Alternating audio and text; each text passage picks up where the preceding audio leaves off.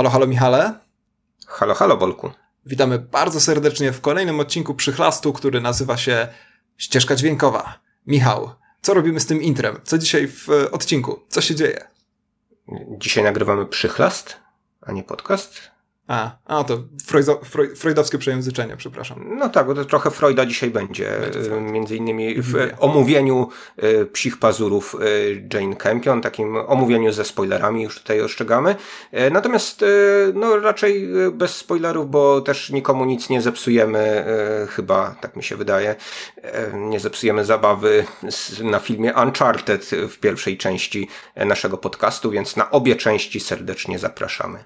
Tak, ja coś tam e, dyskretnie zaspoil zaspoilowałem przez przypadek w czasie tej rozmowy Uncharted, ale serio, e, nie powinno was to zniechęcać. E, może tylko uprzedzę, że o Uncharted mówimy negatywnie, a o Power of the Dog, czyli o psich pazurach raczej pozytywnie, więc zależy w jakim, bardzo pozytywnie nawet, e, więc zależy w jakim jesteście nastroju, to możecie sobie dowolnie kolejnością tych e, odcinków żonglować. A tak naprawdę niedowolnie. Najpierw pierwszy, drugi albo drugi, pierwszy i to jest koniec waszych możliwości. Zapraszamy. Zapraszamy.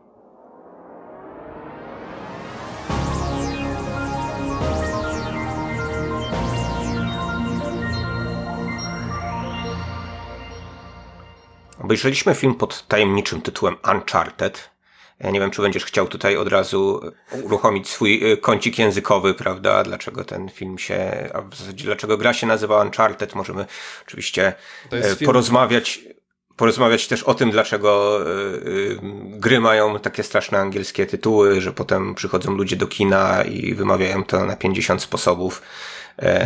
No ale nie wiem, czy chcesz brnąć w ten wątek. Nie, no możemy tylko powiedzieć, że film jest o tym, że Nathan Drake rozpaczliwie usiłuje wynająć czarterowy lot i mu się nie udaje, dlatego Uncharted. Właśnie wymyśliłem ten żart, więc...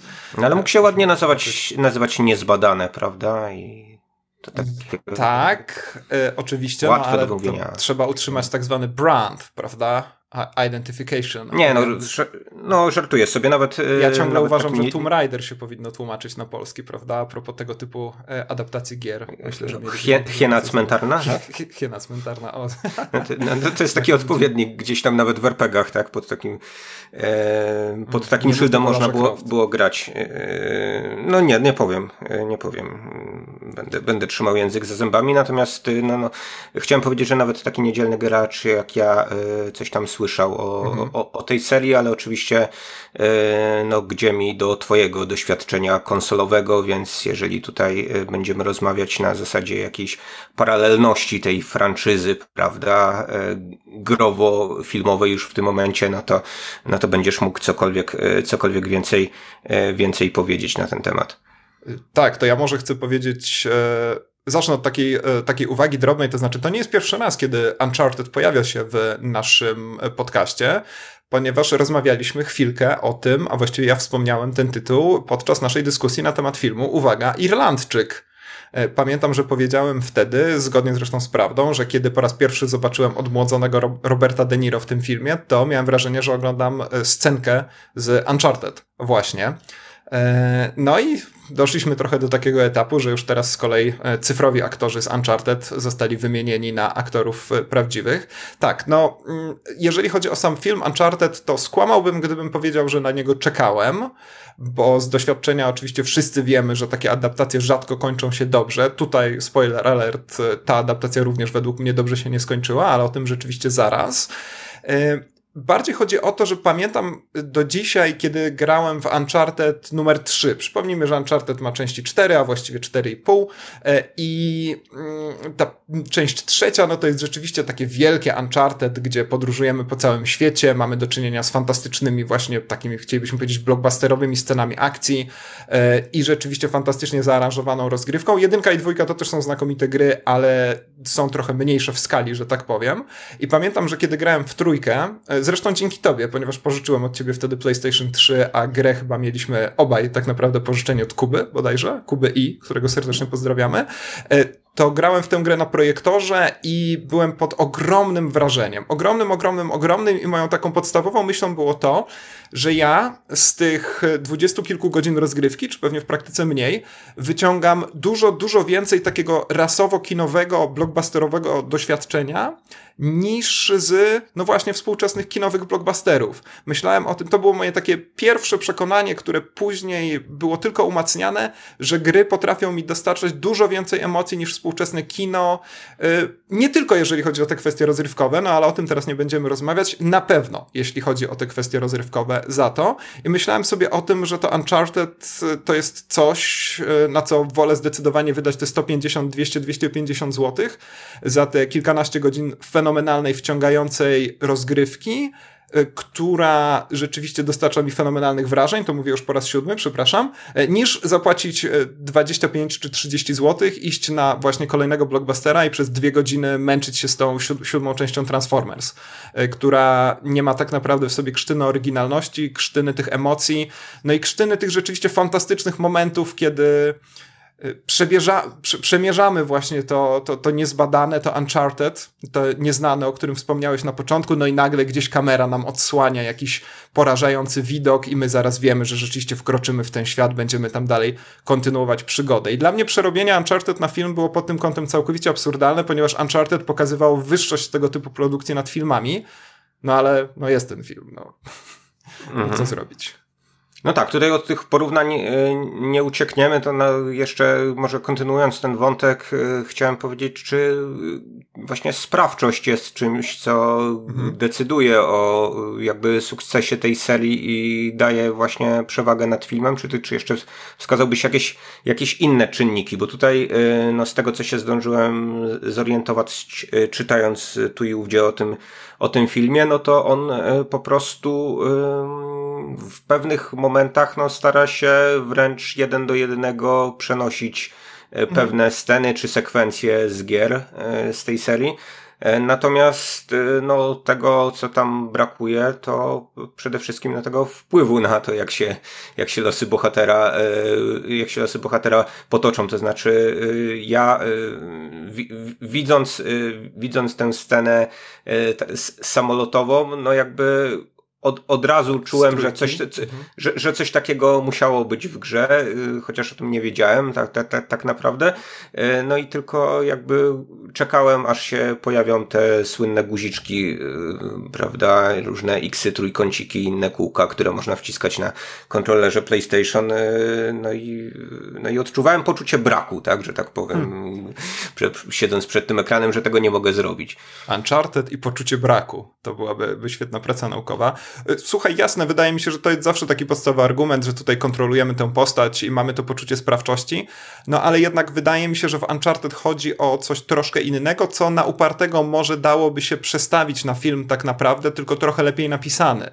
E, mianowicie to, że Uncharted bardzo dobrze, Uncharted gra bardzo dobrze prowadziła nasze emocje i dynamikę akcji. To znaczy, to jest gra, która we wszystkich właściwie częściach, no ale być może z naciskiem przede wszystkim na czwórkę, bardzo dobry balans e, utrzymywała pomiędzy takimi mocno refleksyjnymi scenami, e, gdzie bohater, gdzie zostajemy sami z bohaterem, a rzeczywiście takimi scenami rzeczywiście rasowej akcji, która gdzieś eksploduje nam w twarz. I wtedy nawet my siłą rzeczy bardziej przywiązani do tego bohatera, no to jest zaleta, czy też to jest zawsze kwestia stricte związana z grami, no bo spędzamy z tym bohaterem powiedzmy 10 godzin, a nie, a nie 30 minut przed końcem pierwszego aktu w filmie. Zawsze będziemy z nim oczywiście mocniej mm, zgrani, mniejsza z tym, czy to jest gadający bohater jak Nathan Drake, czy jako jakiś tak zwany ten silent protagonist, który, którego mamy w Half-Life chociażby.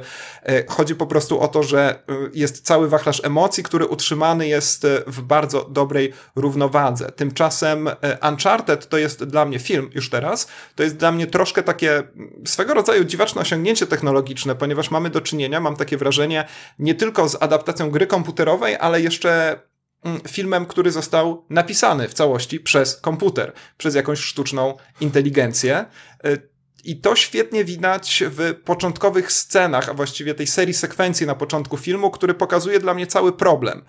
Nie wiem, czy pamiętasz jeszcze te pierwsze 20-25 minut Uncharted, ale to jest to jest bardzo dużo pseudoemocjonalnych sekwencji narzuconych jedna po drugiej, które są wyciągane z jakiegoś szablonu, ale nie ma między nimi żadnego, żadnej przestrzeni na oddech, na przejęcie się tymi bohaterami i na zrozumienie ich decyzji, uszanowanie tych decyzji albo zbuntowanie się przeciwko jakimś ich działaniom ewentualnie. Tam przecież mamy, no nie wróciłem na ten film, żeby to sobie rozpisać gdzieś, ale myślę, że to byłby dobry kazus do złego pisania scenariusza albo złego montowania filmu, Mamy tak, mamy pierwszą scenę, poznajemy mm, bohatera, poznajemy jego brata, już nie mówię o tym wstępie, to zaraz pewnie, poznajemy jego brata, dowiadujemy się, ile oni dla siebie znaczą. Bach, następna scena, brat już znika, od razu, w kolejnej scenie. Bach, niemal kolejna scena, już dowiadujemy się, że brat zaraz wróci, prawda? Bohater podejmuje, podejmuje tą swoją decyzję, która ma go to wprowadzić w ten nowy świat, właśnie żeby znaleźć tego brata, ale my nawet nie wiemy, jak jego życie bez brata funkcjonuje. Nie wiemy, czy on, czy on rzeczywiście za tym bratem tęskni, z wyjątkiem tego, że musimy mu uwierzyć po prostu, jak w dwóch zdaniach do, do tego nieszczęsnego Marka Wahlberga yy, mu, się, mu się zwierza. No i tak naprawdę cały ten, całe to podbudowanie emocjonalne trwa w tym filmie jakieś 15 minut. I, I to mi się właśnie kojarzy z takim maszynowym, komputerowym odwalaniem po prostu szablonu po szablonu, po szablonu po szablonie, tak? Ale właśnie nie ma tam żadnego momentu na oddech, na zastanowienie się nad jakąś taką, na jakąś taką nazwę to poetycko, przestrzeń emocjonalną. I po tych 15 pierwszych minutach filmu, czy 20, no już byłem jakie jest przeciwieństwo kupionego, sprzedany, byłem, byłem na pewno zawiedziony. E, ogromnie. I zaraz sobie jeszcze o tym scenariuszu musimy porozmawiać, ale no muszę ci oddać głos, Michał, bo mm. wykonujesz takie musisz, gesty, musisz, o których musisz. wiem od, od sześciu lat nagrywania podcastu, że świadczą o tym, że, że chcesz coś powiedzieć. Nie, to takie gesty rozpaczy trochę, bo tak sobie myślę o tym filmie i y, rzeczywiście jakby y, podążając za tym twoim tropem, że to y, jakaś sztuczna inteligencja i to y, niespecjalnie inteligentna, tak, tak. opracowała y, format narracyjny tego filmu, no to mógłbym powiedzieć, że ten e, film tak naprawdę zaczyna się od e, e, dema. Nie wiem, czy wciąż takie de, de, demówki gdzieś tam dołączane do magazynów. Cyberpunka, więc tak, jest to. Do mag magazynów, ma magazynów pokroju CD Action wciąż mhm. egzystują, ale przypominam, że w takich, w takich demówkach no, starano się sprzedać produkt za pomocą e, takiej próbki, prawda? Sprzedać grę za pomocą, e, no, być może e, najciekawszej zdaniem twórców sceny z tej gry, a przynajmniej taką, takiej, która będzie jakimś takim haczykiem dla gracza. I tutaj rzeczywiście mamy coś, co jest wycięte z tego filmu, co się zdarza w tym filmie w dwóch trzecich tego filmu, bo tak mniej więcej nie, nie, nie robiłem e, rachunków mhm. E, dokładnych w kinie, żeby nie drażnić współoglądaczy, natomiast, natomiast zerknąłem sobie e, na zegarek, no i to było mniej więcej właśnie tak. I to jest po prostu wycięta, wycięta scena stamtąd, wklejona na sam, na sam początek. Potem mamy coś w rodzaju intra, tak? No to, to, to są te sceny, które, które omówiłeś, takie intro do gry, które gdzieś tam no, przedstawia nam bohatera i robi jakiś właśnie taki zarys fabularny, jakiś backstory, prawda? I potem mamy zasadniczą akcję dopiero, więc y, być może y, rzeczywiście y, sztab ludzi w Sony podczas jakiejś właśnie narady gabinetowej pomyślał sobie, mm, no czego mogą chcieć gracze, prawda? No to e, tutaj, którzy pójdą na ten film, no bo wiadomo, że to jest nasza grupa docelowa. No mhm. damy im to, co właśnie zwykle sprzedajemy graczom, prawda? Tylko w formie filmu. No to ułożymy te obrazki właśnie w, ta, w te, z takich produktów, które, które gdzieś tam gracze, e, gracze konsumują i już dobrze, dobrze znają. No i nawet jak spojrzałem na niektóre e, komentarze, oceny y, widzów tego filmu, no to zauważyłem z, ku mojemu zdziwieniu, że jest pokaźna rzesza takich ludzi, którym się ten film podoba, tak? Że jakby dostali ten produkt, na który czekali, sformatowany w taki sposób, tak? Jak, czego oczekiwali, bez jakichś kontrowersji specjalnych. Wiadomo, że były jakieś e, straszne kontrowersje czasami towarzyszące tym gradaptacjom, tak? Jak tutaj mówiliśmy. E, tak, nie wiem, promujesz przy, przy okazji World of, World of Warcraft na przykład, tak, gdzieś tam wzbudził takie, te, tak. Tak, te, takie, te, te, takie głosy, więc jest to no, bezpieczny, totalnie bezpieczny produkt, który, który no, no chyba nie ma żadnej, żadnej wartości dodanej. No ja, ja przynajmniej jej, e, jej tutaj nie znajduję. No i to jest, mm. to jest dla mnie, dla mnie zasadni, zasadniczy problem, tak? Że jest to, jest to film z komputera, właśnie nie tylko dlatego, że jest adaptacją gry, tylko tak jak mówisz, no jest po prostu gdzieś, gdzieś przez komputer zrobiony, prawda? No ja powiem szczerze, że ja jako miłośnik e, gier Uncharted, człowiek, który do nich e, chętnie wraca, który wiąże z nimi rzeczywiście jedne z swoich najlepszych growych doświadczeń w życiu, no uważam, że absolutnie nie dostałem tego, co, czego oczekuję. Uważam zresztą, że ta struktura, o której mówisz e, właśnie w kontekście filmu i gry, ona się bardzo od siebie różni, ponieważ e, no nawet jeżeli mm, twórcy gier Uncharted, e, chociaż akurat przy, przy okazji produkcji czwartej części tam były dość mocne zawirowania, jeżeli chodzi o ekipę, ale mniejsza z tym, potrafią nagle wprowadzić postać, której, o której nikt nie mówił przez poprzednie trzy części, to jednak tam zawsze rozkładanie fabuły, przekazywanie nam informacji, przekazywanie tych takich informacji, które są związane z pewnymi, które są związane z konkretnymi emocjami, jest rozłożone na całą grę.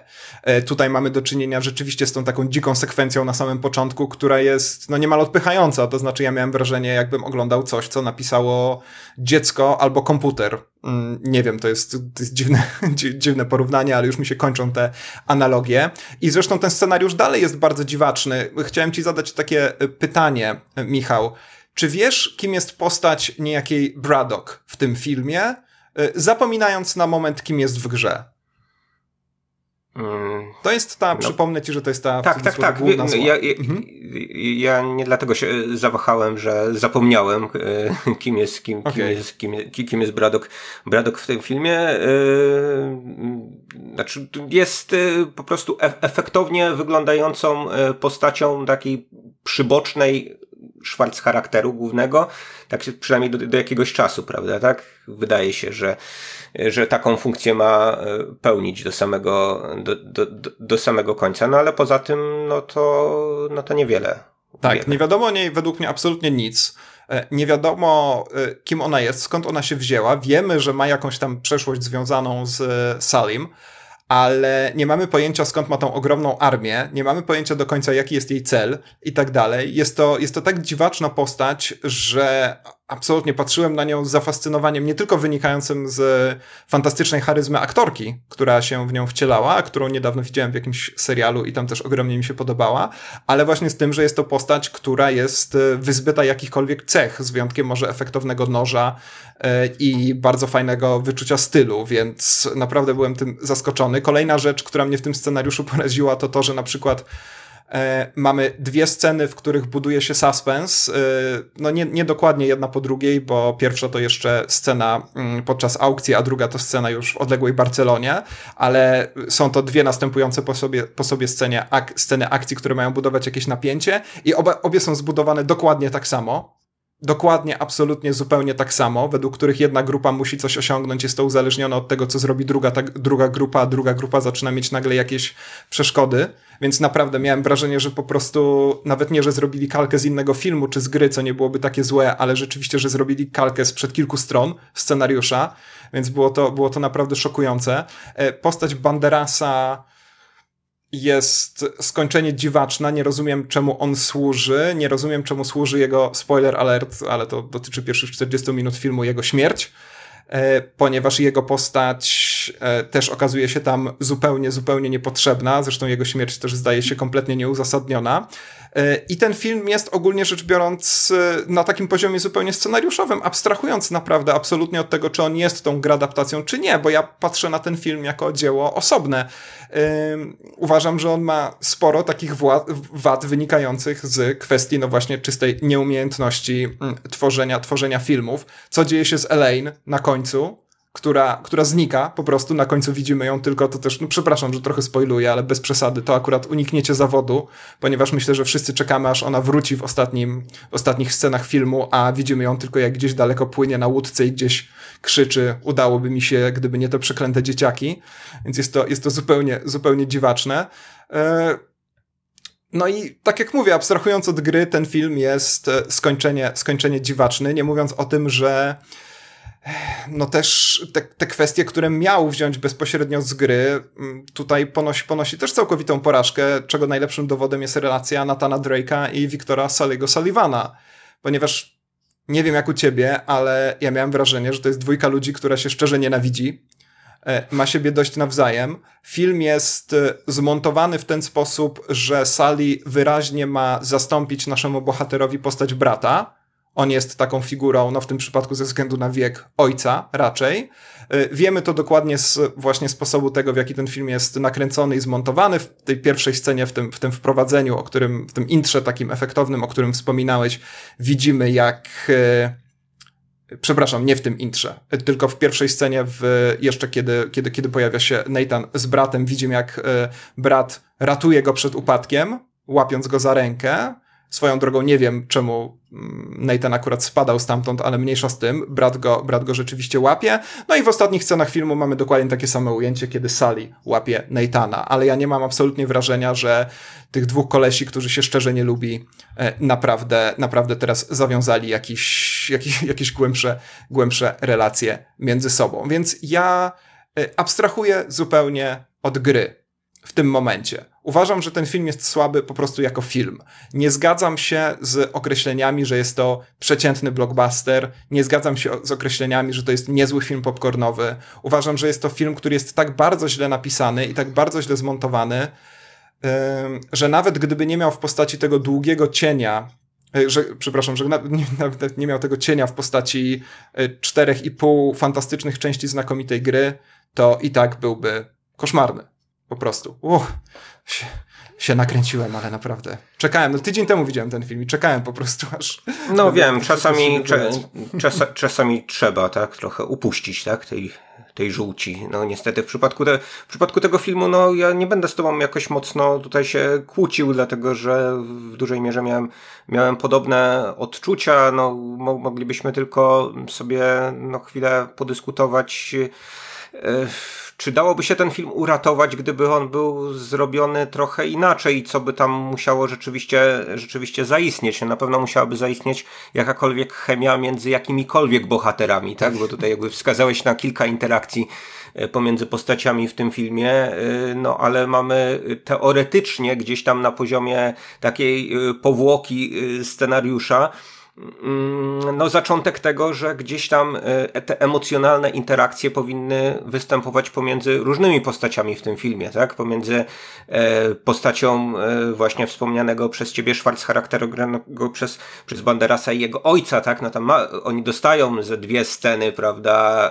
czy trzy pomiędzy i, i, i, no i tam się wydarzają tak. dramatyczne rzeczy, prawda? No więc, no ale to, to nie ma żadnej temperatury, no. Podobnie jest, wydaje mi się, pomiędzy właśnie samym Nathanem Drake'em i, jego bratem. No, tak mamy uwierzyć po prostu, że rzeczywiście e, no, ten, ten cień brata cały czas e, gdzieś tam, gdzieś tam wisi właśnie nad tym, nad tym Nathanem, no i dlatego właśnie on rusza na koniec świata. No, ale to wszystko, wszystko jest takie deklaratywne, prawda? No, gdyby nam to Tom Holland tego, te, tego nie powiedział, gdyby nie przeglądał te, tych pocztówek tam wielokrotnie, no to, e, no to w zasadzie no trudno byłoby tu jakąkolwiek, e, jakąkolwiek temperaturę. No, e, Mark Wahlberg to jest w ogóle taki mm, aktor, muzyk, człowiek renesansu, e, tak. którego trzeba poprowadzić dobrze i to się czasami udaje e, w, rzadko, bo rzadko, ale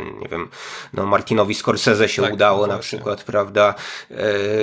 Więc, więc to, to, to, to, to nie jest też tak, że jak niektórzy mówią i piszą, że, że Mark Wahlberg jest totalnym drewnem aktorskim i, i nic nie potrafi, no ale tutaj rzeczywiście no gra, podobnie zresztą Banderas, tak? No jakby no, Banderas to się właśnie... najlepiej bawił na planie, wydaje mi się. Po prostu tak, to, co, tak. Jak on no, tam bo... wypowiada każdy z tych słów po prostu z tym swoim takim perfidnie, no sztuczny wręcz, bo przesadzonym hiszpańskim akcentem, cudowny no, jest. No najbardziej sztuczny jest Banderas, jak mówi po hiszpańsku. Ja zastanawiałem się, czy nie został zdubbingowany, czy on po prostu już nie jest w stanie mówić po hiszpańsku, no ale też grał niedawno u Almodovara, no i to zupełnie Właśnie. inaczej wyglądało, prawda? Tak. Więc, bardzo fajne porównanie. Więc, więc no, jest to jest, jest to dziwne. No, mogę zrozumieć trochę Marka Wahlberga, że gra obrażonego człowieka za to, że nie dane mu było zagrać Natana Drake'a, prawda? No bo taki był koncept gdzieś, jak sobie poczytałem u, w punkcie wyjścia, że właśnie ten, tenże e, Marki Mark był rozważany do tego, żeby zagrać właśnie e, tę główną rolę. E, no i ta koncepcja w ogóle ekranizacji tej gry jest podobno stara jak świat tak. i kilkunastu mhm. reżyserów, których przymierzano do tego. No w końcu przymierzono Rubena Fleischera, prawda? No człowieka, którego największym osiągnięciem jest Zombieland, no a poza tym robi jakieś zupełnie zupełnie generyczne filmy w Hollywoodzie i jest takim chyba właśnie zawsze dziesiątym wyborem, jak mi się wydaje. Do, On jest chyba teraz takim do, wyrobnikiem Sony, produkcji. tak? Po prostu, no bo wcześniej robił Venoma, więc no, no jak no, większość amerykańskich reżyserów jest rzemieślnikiem do wynajęcia, po prostu to już nie Tak, no ale, że... no, no ale też, też bez kompletnie jakiegoś swojego, chociażby, nie wiem, nawet wizualnego stylu minimalnego, prawda? No jakby, nie wiem, gdyby ktoś ci właśnie... Że, Oni biegają albo się... po podziemiach, albo po mieście, to wiesz, gdzie tam jest... Nie no, szczy... no, no dobrze, no, mo... nie no, można zawsze zawsze mieć jakiś y, autorski podpis, nawet, ja, nawet dyskusyjny, jak flary J.J. Abramsa chociażby, prawda? No, możesz... Może to jest dowód, że zawsze coś wymyślisz po prostu. Zawsze. No jeśli, jeśli szukasz, no ale wydaje mi się, że Ruben Fleischer no, nie jest takim reżyserem, który by szukał czegokolwiek, nie jest też jakimś reżyserem, który jest w stanie y, poprowadzić dobrze aktorów albo przynajmniej natchnąć ich do jakiegoś właśnie y, do jakiejś większej dynamiki w grze być może, no tam trzeba było powiedzieć Banderasowi, że jeżeli już ma dostać te kilkaset tysięcy, no to no, więcej może niech się. No nie wiem, nie wiem, trudno mi powiedzieć, e, ile, ile dostaje tam teraz w tym momencie e, Banderas za taką trzecioplanową rolę. E, no ale jakby do czego zmierzam? No, no zmierzam do tego, że właśnie tutaj na, na żadnej płaszczyźnie no, nie, nie udaje się tej emocjonalności wykreować. I można było to zrobić za pomocą ciekawie napisanych postaci i interakcji mhm. pomiędzy nimi, no można było ostatecznie zrzucić wszystko na karb rzeczywiście takiego efektownego, przygodowego blockbustera, zapierającego dech w piersiach właśnie y, ciekawie wyreżyserowanymi, zainscenizowanymi scenami akcji, no ale tego też tutaj nie ma. To wygląda po prostu też jak yy, właśnie klisze różnego typu. No ja nie grając w gry czułem tutaj po prostu kliszowość na, na każdym poziomie, więc zakładam, że, że, że znając te gry, no musiałeś to odczuwać jeszcze, jeszcze bardziej, prawda? No bo te sekwencje są oprócz tego, że pożyczone z gier, no to pożyczone właśnie e, ze wszystkich e, przygodowych filmów, które osiągnęły sukces z całej serii Indiany Jonesa, prawda, z, ze Skarbu Narodów, z Tomb Raidera przez ciebie, przez ciebie wspomnianego, no do, do, tego stopnia, że jakby przerywniki pomiędzy tymi sekwencjami, no bo wydaje mi się, że w ogóle myślano tutaj o tym, żeby zainscenizować sekwencję, a nie cały film. E, przerywniki, no to jest po prostu e, update'owany George Lucas, tak, gdzie zamiast rysunkowego samolotu mamy komputerowy samolot przylatujący z jednego punktu do drugiego, tak po, po, po mapie. No, więc tak, to, jest, to, to, to, jest, to, jest, tak, tak, no to jest jakby szczyt, szczyt braku pomysłowości jakiegokolwiek. E, tak, no a propos tych sekwencji, to e, ja mam dwie dobre rzeczy do powiedzenia a propos tego. E, podobało mi się bardzo jedno ujęcie, w którym nasz bohater spada z samolotu i później rzeczywiście obija się od jakiejś skrzyni i to jest wszystko nakręcone w jednym ujęciu. To jest oczywiście sztuczne jedno ujęcie, wszystko zrobione za pomocą komputera, co nie zmienia faktu, że rzeczywiście był to jedyny moment w tym filmie, kiedy zastanawiałem się nad tym, jak to w ogóle zostało zrobione, bo zrobiło to na mnie wrażenie. No i druga e, scena, którą muszę pochwalić za pomysłowość, to jest e, scena kulminacyjna. Tu może już trochę pospoilowaliśmy, więc może tu sobie e, odrobinę, odrobinę dam na wstrzymanie, ale rzeczywiście takie dość mm, ciekawe połączenie różnych wehikułów z różnych epok i ich wzajemnych relacji, według mnie było znakomitym pomysłem. Tutaj też najwyższa pochwała z mojej strony, to znaczy stwierdzenie, że był to pomysł godny gry Uncharted. E, w grze Uncharted e, takie nawet, tutaj od razu wam powiem, że Michał, Michał nie jest zadowolony z tego, z tego porównania, zaraz mu damy coś, coś powiedzieć, ale ja tylko jeszcze skończę mój wydech, że to jaki mam podstawowy problem to to, że Uncharted rzeczywiście potrafiło tymi swoimi przecież wirtualnie wykreowanymi e, pejzażami, budowlami, mm, rzeczami, które nawet jeżeli wzorowane są na czymś e, prawdziwym, to jednak w rzeczywistości nie istnieją. No właśnie, wykorzystać to, że są całkowicie efektem czyjejś imaginacji i rzeczywiście zapierać wdech, e, zapierać dech, zapierać wdech, co to miałoby znaczyć, zapierać dech. E, I faktycznie robią to nie tylko za pomocą samego projektowania tej geografii, którą oglądamy, którą później przemierzamy, ale też dzięki temu, jak to jest fantastycznie, no właśnie, wyreżyserowane, jak na przykład kamera pokazuje nam jakiś detal, to chyba w trójce jest taka scena, kiedy bohater wisi na jakiejś barierce, po czym kamera się oddala i widzimy, że tak naprawdę wisi na takim monumentalnym, ogromnym statku. E, nie jestem pewien, czy ta scena mi się nie przyśniła, ale wydaje mi się, że rzeczywiście takie ujęcie rzeczywiście w trójce jest. E, I tak naprawdę te sceny w sposób, w jaki są wyreżyserowane, w jaki przerywają tę taką, te takie spokojniejsze momenty gry, to dzięki temu one rzeczywiście potrafią budzić emocje, potrafią budzić jakieś podniecenie. I w grze Uncharted jest bardzo dużo momentów, kiedy no właśnie czujesz się jak odkrywca. Po prostu. I to nie dlatego, że kontrolujesz bohatera, że machasz tym joy, joy, joypadem i że, joystickiem i rzeczywiście sam wskakujesz na te wszystkie półki, czy sama, zwłaszcza w e, ostatniej części Uncharted, ale dlatego, że jest to tak wyreżyserowane, że jest to jakaś nagroda i jest to rzeczywiście coś, co przerywa pewną monotonię. Tutaj z wyjątkiem rzeczywiście tej ostatniej sceny, którą, którą w jakiś tam sposób lubię, to tutaj, czyli w filmie monotonie przerywa kolejna monotonia. Bo jeżeli bohaterowie spotykają się na jakimś parkingu, a później przez chwilę biegną po dachach, a później przez chwilę chodzą po starym kościele, no to wow, jakby wolę obejrzeć jakąś podróbkę kodu Da Vinci chyba, bo to, to, to może nawet byłoby ciekawsze niż to, co tam się dzieje w tej Barcelonie, gdzie w ogóle w całym filmie najpiękniejszym widokiem jest Sagrada Familia. No, to jak na film, który rzeczywiście można w całości wykreować w komputerze i stworzyć jakieś absolutnie powalające sceny, to to, że tam obniża się kamera, czy po cięciu z bliższego planu na dalszy widzimy Sagradę Familię, no to jasne, Gaudi szacunek, bardzo, bardzo byłeś spoko, fajne rzeczy robiłeś, ale jednak oczekuję trochę więcej. po prostu.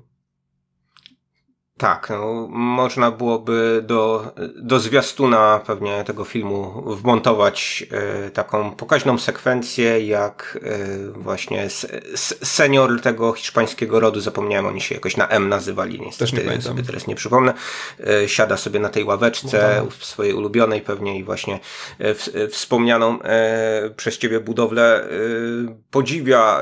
no, powiedziałeś o tej, o tej finałowej sekwencji, no dla mnie to jest jakiś kolejny taki dowód na niespójność tego filmu, no bo jeżeli on miał y, rzeczywiście, nie wiem jak jest y, w samych grach, natomiast jeżeli, jeżeli miał y, operować już jakimiś takimi zupełnie nierealistycznymi scenami rodem z tego, w co e, zabrnęła, jak słyszałem, seria Szybcy i Wściekli. E, mhm. Znaczy, jak widziałem w zwiastunach tylko, no bo jakby... Ja oglądam na bieżąco. Nie oglądam, nie oglądam tej serii, no ale, ale tam właśnie różne, różne wehikuły latają w powietrzu, tak, i wchodzą w jakieś też dziwne ze sobą kolizje już tak. niekoniecznie na, na poziomie samej naszej Matki Ziemi. Natomiast no tutaj no, no, nie wiem, no nie, nie, nie, mam, nie mam innego skojarzenia, tylko y, jak takie, y, przepraszam za spolszczenie y, angielskiego terminu, ale że tu się powinien rzeczywiście ten, ten rekin z, z, z powiedzenia Jump the Shark pojawić i oni powinni go no, przeskoczyć tymi wehikułami tam i to tak kilkakrotnie. No, no przeskakują, robią to, natomiast to wydaje mi się wyjęte gdzieś zupełnie innego porządku, no bo przez długi czas oglądam jednak coś, co jak mi się wydaje, stara się symulować, y, no, takie kino, kino przygodowe, ale względnie, względnie jednak realistyczne, tak? A potem nagle mhm. dzie, dzieją się rzeczy, mm, no jakby po prostu wszystkie postaci y, zapomniały o jakiejś logice, weszły na jakiś totalny poziom, pozio, po, po, poziom absurdu, y, łącznie z czarnymi charakterami, prawda? Dlatego, że no tam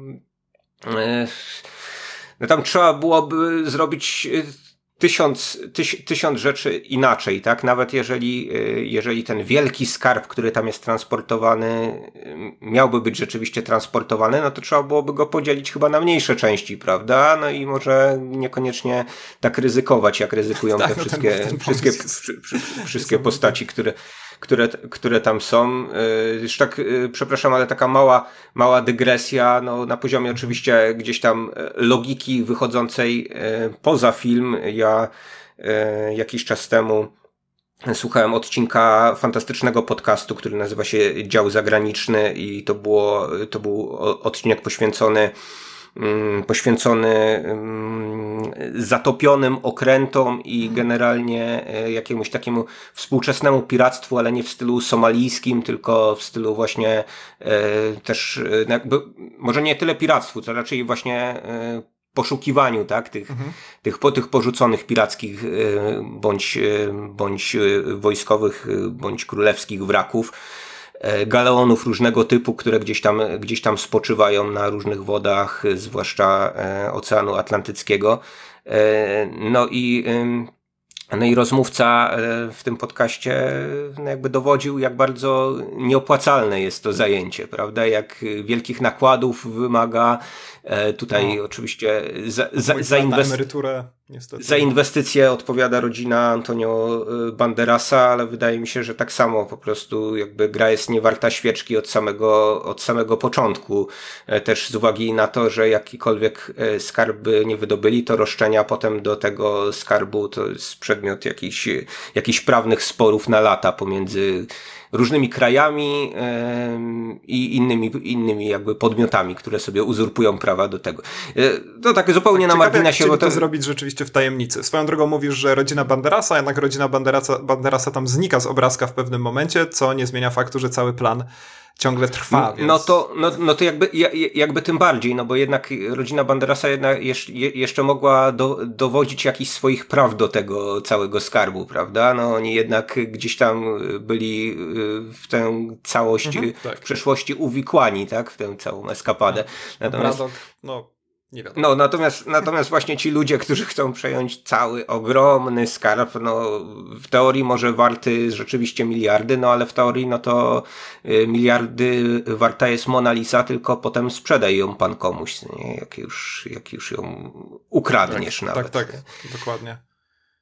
Yy, okay, no ale, to... ale, ale jakby nie ten poziom nie, nielogiczności tutaj stawiam jako zarzut. No ja wiem, że to miał być nie. właśnie popcornowy, rozrywkowy w tej, godowy. W tym, w tym ekscesie, nie? To tak, o, o, o, otóż to. Jeżeli Pierwsza część tego filmu to jest chodzenie po chodzenie albo po domu aukcyjnym, no nawet jeżeli tam od czasu do czasu komuś usiłujesz dać w mordę, e, a druga część to jest y, chodzenie po no, starych też, kościołach. No.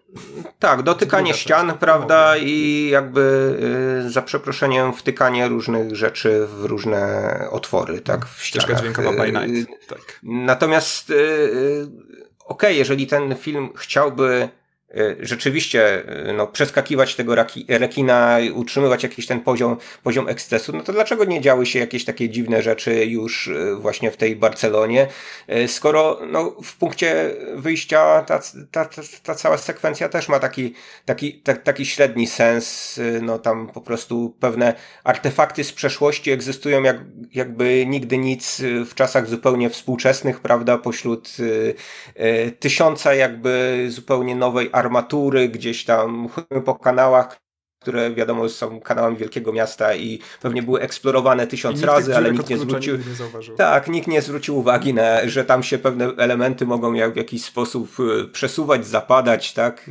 No, Nikt tak, nie no. remontował fontanny w tak, Barcelonie tak, prze, prze, przez lata. UNESCO nie pozwala, może po prostu. Wiesz, to jest... E, kiedyś jak byłem w Valparaiso w Chile, to tam wielkim problemem było to, że taki paradoksalny, ciekawy problem, że e, ponieważ e, część Valparaiso trafiła na listę światowego dziedzictwa, no to nie można było dokonywać wymaganych remontów, a ludzie tam jednak ciągle żyli. No i przez to to miasto mhm. się, w każdym razie pewien segment tego miasta coraz bardziej rozpadał tak naprawdę, coraz trudniejszy do życia się stawał, ale nie można było z tym nic zrobić. Myślę, że to jest jak w jakiś sposób przekłamana informacja, to co usłyszałem, ale w każdym razie, no gdybym usłyszał coś takiego o Barcelonie z Uncharted, to bym uwierzył, bo to rzeczywiście jest miasto, gdzie jak ludzie zobaczyli cokolwiek, co mogło wydawać się tajemnicze i kuszące, to trzymali się jak najdalej tego, żeby żeby nie uprzedzić Nathana Drake'a przypadkiem, ileś tam no, set lat no więc, no więc jeżeli twórcy chcieli brnąć w takie efekciarstwo, to powinni napuścić jakieś y, wodne stwory na, już w tych kanałach y, barcelońskich, prawda, na, na bohaterów. Niech oni odkrywają w finale jakiś Shangri-La, prawda, niech to będzie jakieś takie dziwne, półkampowe, ale przynajmniej, ale przynajmniej jakieś, tak, no, no albo idziemy po prostu w drugą stronę, albo idziemy w, w kierunku, powiedzmy powiedzmy no, bardziej e, realis, e, realistycznego, no jednak idziemy e, I wtedy siedzą w stronę... przed komputerem przez dwie godziny. Nie, w stronę, w stronę jednak budowania znowu, do tego wrócę, mhm. po, postaci, które są z krwi i kości, tak? No a tutaj, a tutaj mamy jakby z, zgraje NPC-ów, prawda, takich growych na każdym, na, każ na każdym poziomie, no i nawet właśnie E, Tom Holland, który tam no, dwoi się i troi, żeby mhm. jednocześnie być zabawny bądź przejmujący. No to raz ma być taki, raz ma być taki, prawda? A z drugiej strony, e, no jednak e, trudno no nie patrząc na tę postać, nie dostrzegać tego, że to są jakieś takie blade powidoki Petera Parkera, tak, tak, tak, tak naprawdę, tak? Tak, choć rzeczywiście no, Tom Holland, e, nawet jeżeli ma bardzo dużo na swoich mocarnych barkach, to, to jednak wydaje mi się, że często udaje mu się pewne rzeczy udźwignąć. To, to jest chłopak, który ma rzeczywiście ogromną charyzmę i myślę, że gdyby nie on, to, to ja bym w ogóle na tym filmie nie wytrzymał.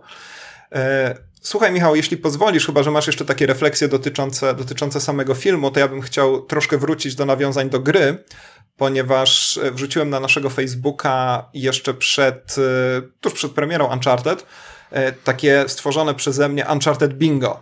To znaczy, nie wiem czy to widziałeś, no bo to ja odpowiadam tak za, za nasze bieda social ninjowanie, ale... Widziałem, widziałem, Pod, podglądam co tam, co tam robisz. Kon kontrolujesz w internetach. po prostu. E, tylko nie, niektóre zdjęcia, które chcę wrzucić mi, mi szybko kasujesz. E, no i w tym bingo wypisałem jakieś różne rzeczy, które powinny się w, tej, w tym filmie wydarzyć wzorem gry. E, kilkoro, kilkoro naszych słuchaczy również się do tego dołączyło, więc chciałem to teraz tak na szybko skontrolować. E, w bingo zacząłem od takiego stwierdzenia, że Drake ciągle dotyka ścian. To chyba jakieś natręctwo, bo rzeczywiście minimum od trzeciej części Nathan Drake, kiedy chodzi po różnych korytarzach wąskich, to cały czas dotyka ścian. No tutaj, jak sam wspomniałeś, dotykanie ścian było bardzo istotne, prawda? No bo tak odkrywali wszelkie zapadki, niezapadki, tajemnicze dźwignie, więc ogólnie rzecz biorąc, no jeżeli nie lubisz dotykać ścian, to nie możesz się parać tym, tym zawodem, jest to dość, dość tak, oczywiste. ale tu jeśli, jeśli mogę się wciąć od razu, y, to y, znowu y, gdzieś wyskakuje słabość tego, tego, tego filmu, to znaczy mm, znowu tutaj widziałem no, jakąś taką schematyczność zapożyczoną z Indiana Jonesa czy Tomb Raidera, ale mm, chodzi mi o te sceny, w których, e, w których no, wy, wyskakują różne, różne groźne rzeczy, prawda, ze ścian. Tak, które, i, które nie są groźne, bo ani razu Które nie, nie są, gro... no właśnie, nie są, nie są, nie są groźne, bo nie, nie, nie wiem w jaki sposób zostały opracowane, tak, jeżeli, jeżeli tak, powinny, tak. powinny, powinny zabić bohaterów, dlatego, że zrobili oni coś źle. Oni stoją w tym samym miejscu, nie? To no. nie jest tak, że oni tam kładą, nie wiem, arbuza żeby sprawdzić, czy tam jest jakaś pułapka. Nie, oni stoją na miejscu tej pułapki. Dokładnie, no więc porównajmy to z takim, y, z przygodami takiego y, archeologa, jak właśnie y, profesor Indy, który gdzieś tam właśnie testował te różne pułapki, tak. jakby rzucał różne rzeczy na posadzkę, żeby uruchomić te pułapki, bądź też znajdował, tak. swo no. znajdował swoich konkurentów, którzy już właśnie tych pułapek nie, nie tak. uniknęli. No a tutaj yy, okej, okay, no coś wyszczeliło ze ściany, tylko że spudłowało. Tak yy, no tak, tak, tak. Ja sobie wyobrażam projektantów tych pułapek, jaka to musiała być zgraja nieudaczników po prostu. Rzeczywiście, zapomniałem o tym, ale w czasie seansu mnie to strasznie śmieszyło, bo są tam minimum dwie sceny, kiedy uruchamiają mhm. pułapkę dokładnie zgodnie z założeniem tej pułapki i nikomu nic się nie dzieje. Tylko Sali narzeka, że, że coś tam, coś tam, że się przestraszył na chwilę. Kolejna pozycja w tym bingo to nielogicznie rozbudowana zagadka logiczna, jakieś oświetlanie symboli albo naciskanie płytek. No, gra rzeczywiście słynie z tego, że no właśnie, tutaj na pewno w budowaniu zagadek mieliśmy zawsze zdecydowaną przesadę, ponieważ okazywało się, że każdy z tych piratów czy, czy, czy, czy, czy, czy innych ludzi, którzy gdzieś tam kiedyś schowali swój skarb, to jednocześnie mieli e, kilkadziesiąt lat życia na to, żeby wybudować jakieś, jakąś wielką konstrukcję e, służącą jakiejś tajemniczej zagadce, która w gruncie rzeczy nie ma żadnego sensu.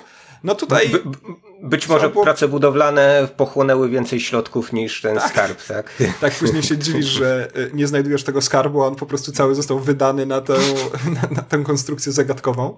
Y, no tutaj oczywiście wszystkie zagadki, y, no chyba maksimum zagadek to jest to, że trzeba połączyć klucze w pewnym momencie. Wydaje mi się, że tutaj bohaterowie, no i w pewnym momencie nie wiedzieli, w którą stronę przekręcić te klucze, ale tak to wszystko było niemal na wierzchu.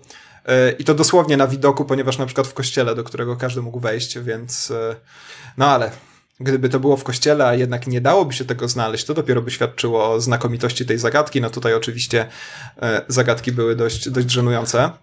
Ja czekam na taki film e, zapewne jakiegoś autora slow cinema o kimś, kto e, właśnie e, zafiksowany ideą odkrycia jakiegoś skarbu hmm. chodzi po takim kościele właśnie w Barcelonie i nie jest w stanie nic znaleźć, prawda? Ogląda wszystkie, wszystkie ławki, wszystkie ołtarze, gdzieś tam zagląda w różne miejsca, no i film się kończy obrazem smutnego bohatera szlochającego gdzieś Fantastyczny tam pomysł. w ławce kościelnej.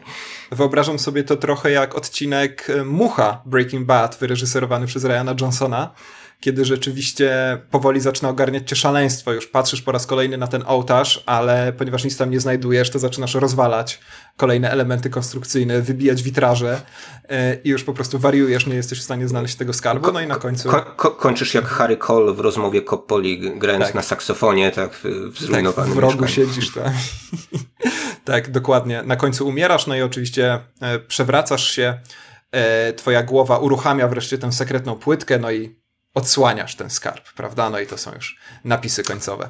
E, poprawa, proszę zgłaszać się do podcastu, który nazywa się Ścieżka Dźwiękowa. Y, kolejna y, płytka z kolei naszego bingo to najpierw przychodzą zwykli przeciwnicy, a potem tacy starczami. No tutaj nie mieliśmy do czynienia z taką sekwencją, y, która byłaby związana bezpośrednio z kolejnym, kolejną, no właśnie, płytką bingo, czyli bezwzględne wymordowanie minimum 50 najemników, którzy tylko wykonują swoją pracę. To jest bardzo charakterystyczne dla serii Uncharted, że ta wyluzowana gra o równie wyluzowanym poszukiwaczu skarbów no tak naprawdę bardzo często skupia się na bezwzględnym mordowaniu ludzi. Mm, w pewnym momencie, zresztą chyba zawsze te gry skonstruowane były w ten sposób, że mamy swego rodzaju przerywnik na strzelaninę, no i tych przeciwników rzeczywiście jest bardzo wielu, te przerywniki potrafią bardzo długo trwać, no i w rezultacie zostawiamy po sobie jakieś 30 trupów.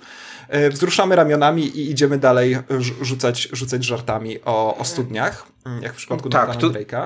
Tutaj jest o tyle śmieszniej, że e, w tej otwierającej tak. E, film mhm. sekwencji Dokładnie. samolotowej, która tak naprawdę jest sekwencją wyjętą gdzieś z, z końca filmu, Tom Holland przeprasza bardzo za to, że tak, kopnął tak, jednego człowieka w twarz. I przeprasza za to, tak.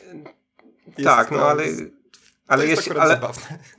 Tak, no to, tylko że to też miałoby większy sens, gdyby to rzeczywiście była taka sekwencja chronologicznie otwierająca całą fabułę, a nie, wy, wy, a nie wyciągnięta z punktu, w którym y, no już właśnie y, kilka tuzinów rzezimieszków starało się go zabić, prawda? Tak. Więc y, i, i, i, i, i tak naprawdę jaką, jakiekolwiek ślady osobowości ma tylko jeden, e, no bo tutaj możemy się pośmiać z akcentu, prawda, mhm. szkockiego, tak, jeśli dobrze tak, pamiętam. Tak, tak, no to też gdzieś tam. Ale... No i to, to co, co, mi też przypomina jakieś takie gry z lat 90., kiedy to, no wiadomo, trzeba było kroić także y, ścieżkę dźwiękową, nomen omen mm. tych gier, nie, żeby, żeby, żeby, żeby upchnąć na jakimś nośniku aktualnie obowiązującym tę grę, no i tylko niektóre postaci y, dostępowały tego właśnie zaszczytu, żeby wypowiedzieć jedną kwestię albo dwie, tak? No i tutaj po, pośród, pośród tych wszystkich najemników, no to jest jedyny mówiący człowiek, tak? No, pomijając tę Bradok, tak? Przez ciebie wspomnianą, która tak, w pewnym momencie nastaje się hersztem najemników. Tak, no tutaj to jest rzeczywiście y, y, jednocześnie fajny dowcip, a z drugiej strony absolutnie się zgadzam, że jest on wmontowany w ten sposób, że nijak to nie pasuje. Wpisałem o zapadającej się podłodze, wpisałem żart na temat studni, no to słynne well, well, well, które znają e, fani gry, pada tu chyba dwa razy, ale studni nie ma żadnej. Wielka no szkoda? No dobrze, no jest, jest, jest fontanna, można powiedzieć, że tam jakaś studnia pod tym, tak, ja to tak interpretowałem przynajmniej. E, w każdym razie tutaj mhm. dobrze, okay. że miałem, że miałem na seansie trochę wody, no bo jednak po, po, poziom sucharozy znowu, ale to rozumiem, że to jest przeszczep z gry, tak? te Oj, wszystkie tak, właśnie od, od, od, odzywki tego mhm. typu właśnie z Salik, który mówi e, don't you double cross me, tak? W momencie, Jezus, gdy no mamy właśnie, stary. E, dwa krzyże. Bardzo się cieszę, że to powiedziałeś, ponieważ ja na Instagramie Halo Halo Bolku, zapraszam. Dzieje się tam coraz więcej, choć ciągle nie wiem, jak zostać gwiazdą Instagrama. Napisałem kilka dni temu, że w podcaście zdradzę mój ulubiony dowcip e, ostatnich kilku lat filmowy i to jest właśnie ten żart. Bardzo się cieszę, okay. że na to zwróciłeś uwagę. Mnie to niesamowicie rozśmieszyło. E, to, że rzeczywiście bohater boi się tego, że zostanie oszukany przez ludzi, którzy, którym właśnie oddał, oddał krzyż. Teraz ci ludzie mają dwa krzyże i on mówi Are you going to double cross me? No uważam, że jest to niezwykle zabawne, ale rozumiem też, że u niektórych może to wy wywołać alergię na suchary. Niemniej, tak jak zauważyłeś, jest to bardzo w duchu, w duchu Uncharted. Dobra, mniejsza z tymi moimi, tutaj e, to, co nasi słuchacze wpisali. Wpisali na przykład wyjmowanie grubych, nieprzemakalnych notatników e, z przemakalnych i wcale niepojemnych kieszeni. E, to oczywiście się zdarza w tym filmie, ponieważ bohaterowie kąpią się w morzu, po czym okazuje się, że wszystko jest e, całkowicie suchutkie. Wydaje mi się swoją drogą, że Nathan Drake tam dysponuje torbą wykonaną przez wspaniałą i moją ulubioną, tak jak staram się nie być przywiązany do marek, to jednak tu to się dzieje, firmę Chrome Industries, produkującą rzeczy rowerowe. E, I te rzeczy są rzeczywiście fajne, fa fajnie wodoodporne, więc jestem w stanie w to uwierzyć. No i mają mm. wspaniały pokrowiec jeszcze na starą mapę, prawda, która, tak. e, której e, nikt nie wpadł na pomysł, żeby zrobić fotki jakiejkolwiek. E, A, w, filmie, w, w, filmie, w którym e, jakby koniec końców... To Sony Xperia nie umie robić zdjęć po prostu. O, o, o tak, ale ogrywa się te smartfony jednak tam e, właśnie ta, no, e, człowiek, człowiek z apką jest jednak ważny, tak, na, mhm. na, na samym końcu.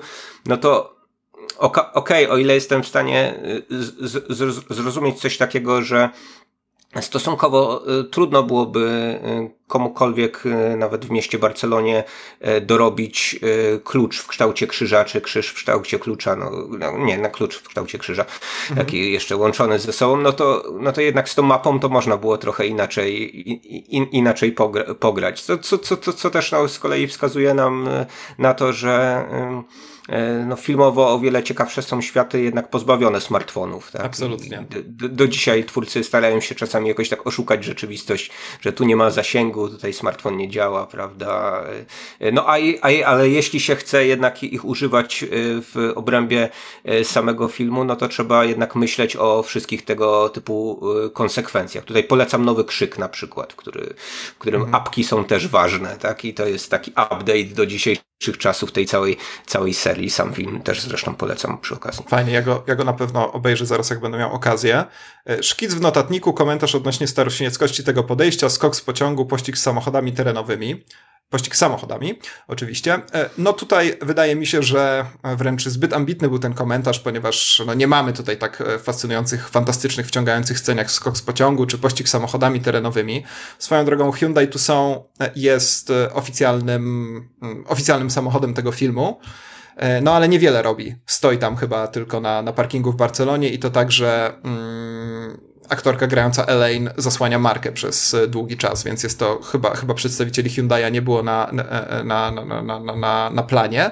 E, szkice w notatniku, no sam bohater rzeczywiście nie rysuje, ale chyba do różnych cudzych notesów e, uparcie sięga. Mm, scena, która wygląda dokładnie tak samo jak cut scenka z gry, ale jednocześnie nie ma ani odrobiny jej uroku czy dowcipu, no to to jest ten film, po prostu.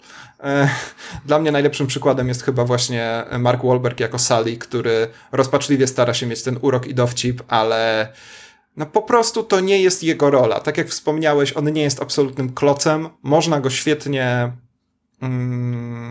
świetnie, świetnie obsadzi, czego przykładem jest drugi film, który no w sumie nazywa się prawie tak samo jak Uncharted, tak, bo The Departed, um, ale, ale no jest to, jest to przykład wyjątkowo złego castingu.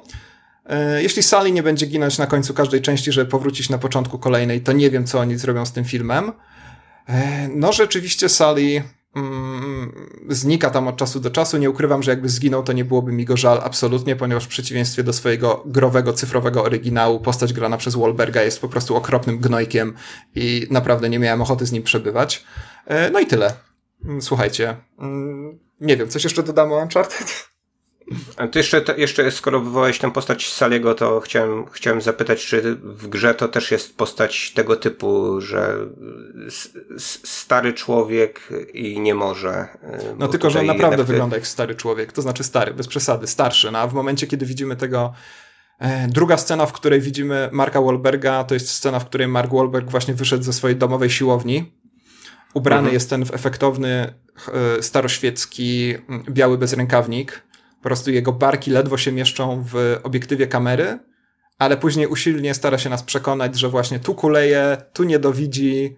No, jakby rozumiem, że, że, że oczywiście może mieć swoje problemy, wielu z nas no, z zewnątrz wygląda fantastycznie, a tak naprawdę walczymy ze swoimi demonami oczywiście. E, obaj znamy to ze swojego własnego doświadczenia, ale mimo wszystko mam wrażenie, że w pewnym momencie autorzy scenariusza, być może jeszcze na planie, postanowili dopisać jakieś e, kwestie Wahlbergowi, żeby bardziej zbliżył się do tego klasycznego Wiktora Sullivana. Czy, czyli lep, lepszą obsadową wersją byłaby jednak ta z Wahlbergiem w roli Natana Drake'a i Robertem De Niro w roli yy, Saliego wciąż, tak? Le, ledwie kopiącym przeciwniku. tak, tak, to znaczy, no... Albo, skoro już tak udało się pięknie w Irlandczyku i skoro tam pojawiło się porównanie do Uncharted, no to niech Robert De Niro zagra Natana Drake'a, po prostu odmłodzony cyfrowo. Eee a ktoś, e, ktoś jeszcze mógłby zagrać, nie wiem, nie wiem, czy jest ktoś starszy na świecie niż Robert De Niro, więc nikt mi nie przychodzi do głowy, ale e, ten, o, Verhoeven mógłby, zagrać, rozmawialiśmy o nim Ja myślę, że to zbyt, dy, zbyt dynamiczny człowiek jest. E, Woody Allen, to tutaj mi przychodzi na myśl, to jest trochę... Tak, mm, tutaj te wąsy, zwłaszcza w tej scenie po napisach, mogłyby, mogłyby odegrać ciekawą, ciekawą rolę. E, no dobra, to, to spróbujmy to jakoś podsumować. E, to, co dla mnie jest ważne, żeby wybrzmiało, to to, że ten film jest słaby nie dlatego, że jest gorszy od gry, bo takich porównań w ogóle staram się unikać. E, nie dlatego, że były jakieś ogromne oczekiwania, nie dlatego, że walczył z dziedzictwem wielu części fantastycznie opowiedzianych, wciągających, bardzo emocjonujących i ekscytujących historii, ale dlatego, że po prostu jest filmem bardzo źle napisanym i bardzo źle zmontowanym. Michał, to co, to co ty powiedziałeś jest też dla mnie bardzo ważne, to znaczy to, że brakuje w tym filmie rzeczywiście jakiegoś balansu, że pierwsza część no, radykalnie różni się od drugiej, że autorzy rzeczywiście nie wiedzą zupełnie w jaki sposób podejść do tej historii, czy starać się budować jakieś opowieści quasi-realistyczne z naciskiem na bohaterów, czy raczej iść w jakiś taki przygodowy, no niemalże camp. Um, i, I to rzeczywiście gdzieś tam, gdzieś tam rzutuje na poczucie takiego głębokiego, głębokiego rozpadnięcia tego filmu. Mm. Czyli rozumiem, że czekasz na drugą część bardzo Czekam. mocno, bo też bardzo, bardzo mocno została ona zapowiedziana, prawda? Mamy tę scenę, scenę po napisach, ale mamy też e, jakieś właśnie. Ma, no, mamy, ma, mamy też blis, blisko końca easter egg, o którym sobie musiałem doczytać mm. z tajemniczą dla mnie postacią na plaży. To znowu jakby gdzieś A, no do szkoły. aktorze wcielającym się w Nathana Drake'a, tak? Tak, no ale dla mnie znowu to jest jakiś, no, jakiś taki e e emblematyczny przykład. Y, nie wiem, można wiele rzeczy z tego filmu pokazywać w szkole dla scenarzystów, jak, jak nie robić rzeczy, ale ten easter egg też jest właśnie moim zdaniem zupełnie absurdalny, bo z jednej strony jest ostentacyjny i tak. jakby y, wymusza zwrócenie uwagi na to, co tam się dzieje, dlaczego ten człowiek się w ogóle odzywa i zaczepia tych ludzi. I, tak, i, i mówi, i po, że zdarzyło mu się to samo i po co, po co mu się poświęca ten czas, ale z drugiej strony, no właśnie, to jest. Yy, znaczy, to jest wmontowanie tej, tej, tej, postaci tylko po to, żeby no, odhaczyć easter egg, prawda, który, który no, znowu, jak sądzę, ten sztab głów myślących nad tym filmem e, uznał, że to jest zastosowne, żeby to się tam pojawiło. No tak, no to jest facet z ogromnymi zasługami dla serii, oczywiście. To jest po prostu, jakkolwiek banalnie to zabrzmi, Nathan Drake. E, fakt faktem, można było go um, umiejscowić w dużo, w dużo, w dużo ciekawszej roli, w której rzeczywiście mm, mamy do czynienia tylko z tak zwanym pozdro dla kumatych, a nie facetem, który nagle przerywa cały bieg akcji i zaczyna opowiadać o sobie. No. E, no, absolutnie się zgadzam, że jest to, jest to zupełny koszmar. Ale wiesz, co nie jest koszmarem, Michał? No, kolejny film, o którym będziemy rozmawiać. Co ty na to, żeby już przejść do no, wydaje mi się, że raczej pozytywnych określeń. E, Michał, ty chyba usunąłeś aż swoją ocenę z Filmwebu, żebym nie zobaczył, jak oceniłeś e, Psie Pazury. Tak podejrzewam cię o taką machloję. Zrobiłeś tak, tak czy nie? Ja, ja tutaj y, cały czas staram się trzymać ciebie i słuchaczy również, no być może gdzieś tam ktoś nawet obserwuje nasze konta na Filmwebie, e, utrzymać w tej niepewności, mm. bo wiadomo, że cyferki dzisiaj są najważniejsze, tak, no tak. możemy tutaj tysiąc słów wypowiedzieć, a koniec końców, jak pod każdą recenzją liczy się tylko to, e, czy film jest na szóstkę, siódemkę czy ósemkę. Ale w przypadku filmu Psie Pazury Jane Campion sytuacja jest y, o tyle ciekawa, że to jest taki film, który gdzieś tam rośnie mi w głowie i ta e, ocena, którą wystawiłbym tak bezpośrednio po zakończeniu seansu, pewnie byłaby dużo niższa niż ta, którą mhm. wystawię temu filmowi e, dzisiaj, kiedy zastanowiłem się nad wieloma rzeczami. Te, te, oczywiście, no jakby cały czas tutaj po moich epizodach chorobowych witamina B12 jest w użyciu, także liczę na to, że jednak mózg pozwoli e, odnieść się nawet do tych rzeczy, które oglądaliśmy kwartał temu, ale może też us, e, jakiś, jakimś tytułem usprawiedliwienia e, tego, dlaczego w ogóle rozmawiamy o tak. tytule, mhm. który, który kwartał temu dotarł w szczątkowych ilościach do naszych kin, nawet no oprócz tego jest mhm. gdzieś tam na, na popularnej platformie na N grabiącej Polaków, prawda, jak, jak, jak Francis Drake ze wszystkich kosztowności e, dostępny. E, no, e, jednak mimo wszystko warto do tej platformy zajrzeć po ten, po ten film Jane Campion, nie tylko ze względu na sezon nagród tak zwany, nie tylko ze względu na właśnie Oscarowe nominacje, ale też wydaje mi się, że dla, dlatego, że no to jeden z ciekawszych filmów e, ubiegłego, ubiegłego sezonu. Właśnie taki film mm, wydaje mi się do, e, do konkretnej dyskusji po seansie. No i to chyba tutaj postaramy się zrobić już nie oglądając się na to, czy mówimy jakieś spoilery, czy nie, więc, więc tak, spoiler choć, alert, tak, dla wszystkich. Choć powiem, że zauważyłem, mm, mamy taki zwyczaj, że nawet jak mówimy, że będziemy spoilować, to coś nas głęboko powstrzymuje przed tym spoilowaniem i bardzo często zapowiadamy, że będą spoilery, po czym cały czas mówimy w taki, taki sposób, tak, takimi okulnikami, jak to się ładnie mówi. No może no dlatego, że, że, jest tylko jeden władca spoilerów w internecie, więc może, może, może rzeczywiście my się, my się trochę obawiamy. No tak, tak, tak. No, my tutaj jesteśmy spoiler amateurs co najwyżej, tak, ale y, Dobrze, postaram się ten e, hamulec ręczny zwolnić, jeżeli e, będzie potrzeba rzeczywiście, żeby przeanalizować ten film, bo wydaje mi się, że to taki film nad, e, nad którym warto się pochylić właśnie z analizą, nie tylko z jakimś takim gruntownym jego omówieniem. Chcesz zacząć od jakiegoś nie. konkretnego wątku? nie, nie chcesz zacząć. Nie, myślałem, myślałem, że, myślałem, że chcesz zacząć od y, enigmatycznego tytułu, no bo jakby tutaj znowu... Mam czytać Biblię? No. tak, no dlaczego, dlaczego, dlaczego ten film się nazywa y, Psie Pazury? Możesz nam to y, powiedzieć? Dog Stuf w, w, w oryginale, podczas gdy no, w tym filmie no, mamy górę w kształcie psa, ale tam pazurów nie dostrzegłem. Aha, przepraszam, Power of the Dog, tak, tak, tak, zgadza się. E, no, pieski, e, pieski zawsze na prosie, możemy rozmawiać o pieskach i tak dalej, ale rzeczywiście tutaj mamy tę, e, zaraz ci powiem zresztą jak to jest, czy mam tutaj gdzieś Biblię Tysiąclecia otwartą, ponieważ oczywiście przygotowałem się do tego nagrania i sprawdziłem, ale trochę boję się właśnie, że czytając to za bardzo mnie kaznodziejstwo poniesie. Mm, tak, no jest w psalmie 22 czytamy ty zaś, o panie, nie stój z daleka, pomocy moja, spiesz mi na ratunek, ocal od miecza moje życie, z psich pazurów wyrwij moje jedyne dobro. E, to oczywiście cytat, który słyszymy też e, na końcu najnowszego filmu Jane Campion.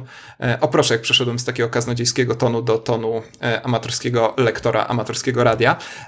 I mm, stąd właśnie ten tytuł, Michał. A co miałyby te psie pazury oznaczać? Mm, odbijam piłeczkę. Wiedziałem, że, że, że, że, że tak to zrobisz. No właśnie y, ja się, y, ja się do tej pory zastanawiam do końca, dlaczego akurat ten, e, ten psalm e, został tam użyty.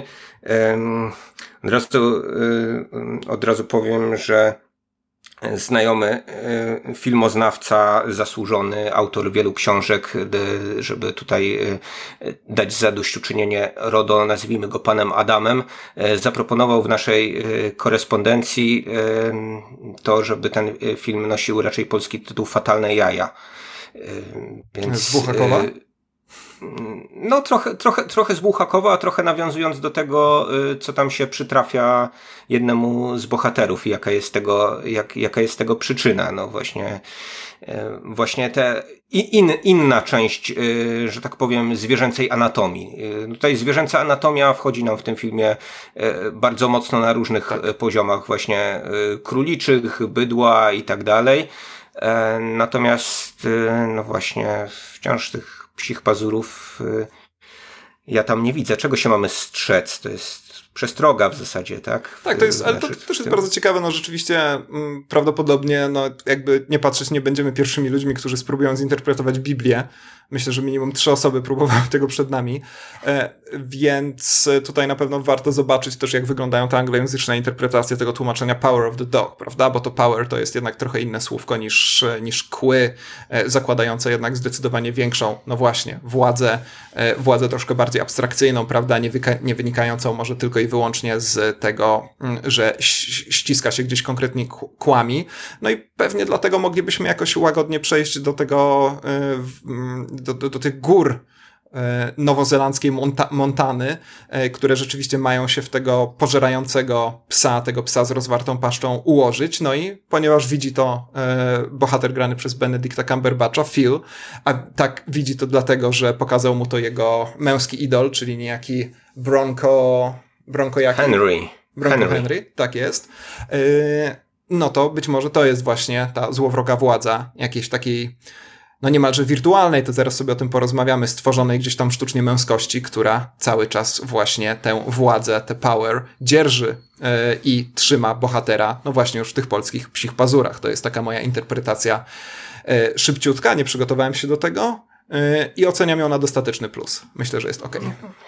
No tak, no ja bym ten plusik odjął, odjął jednak, no bo tutaj, tutaj jednak do końca, do końca mnie nie przekonałeś, ale może, może słuchacze, którzy bardziej są biblioznawcami, e, coś jeszcze... Tak. Coś jeszcze oczywiście zachęcamy do, do, do wtrącania się e, i tłumaczenia, e, na przykład jeżeli znacie jakieś glosy interesujące do psalmu numer 22. No dobrze, ale... Ale po, porządkując właśnie, tak, ten, właśnie. Ten, ca, ten cały niezborny na samym początku, jak strasznie, to często nam się zdarza, wywód... Yy, zacznijmy może od y, tego, kto tutaj władzę nad kim y, trzyma i dlaczego tak naprawdę, no bo tak, no te relacje, relacje władzy, podległości, no to jest coś chyba nad czym, nad czym warto się głębiej pochylić y, w filmie, w filmie Jane Campion.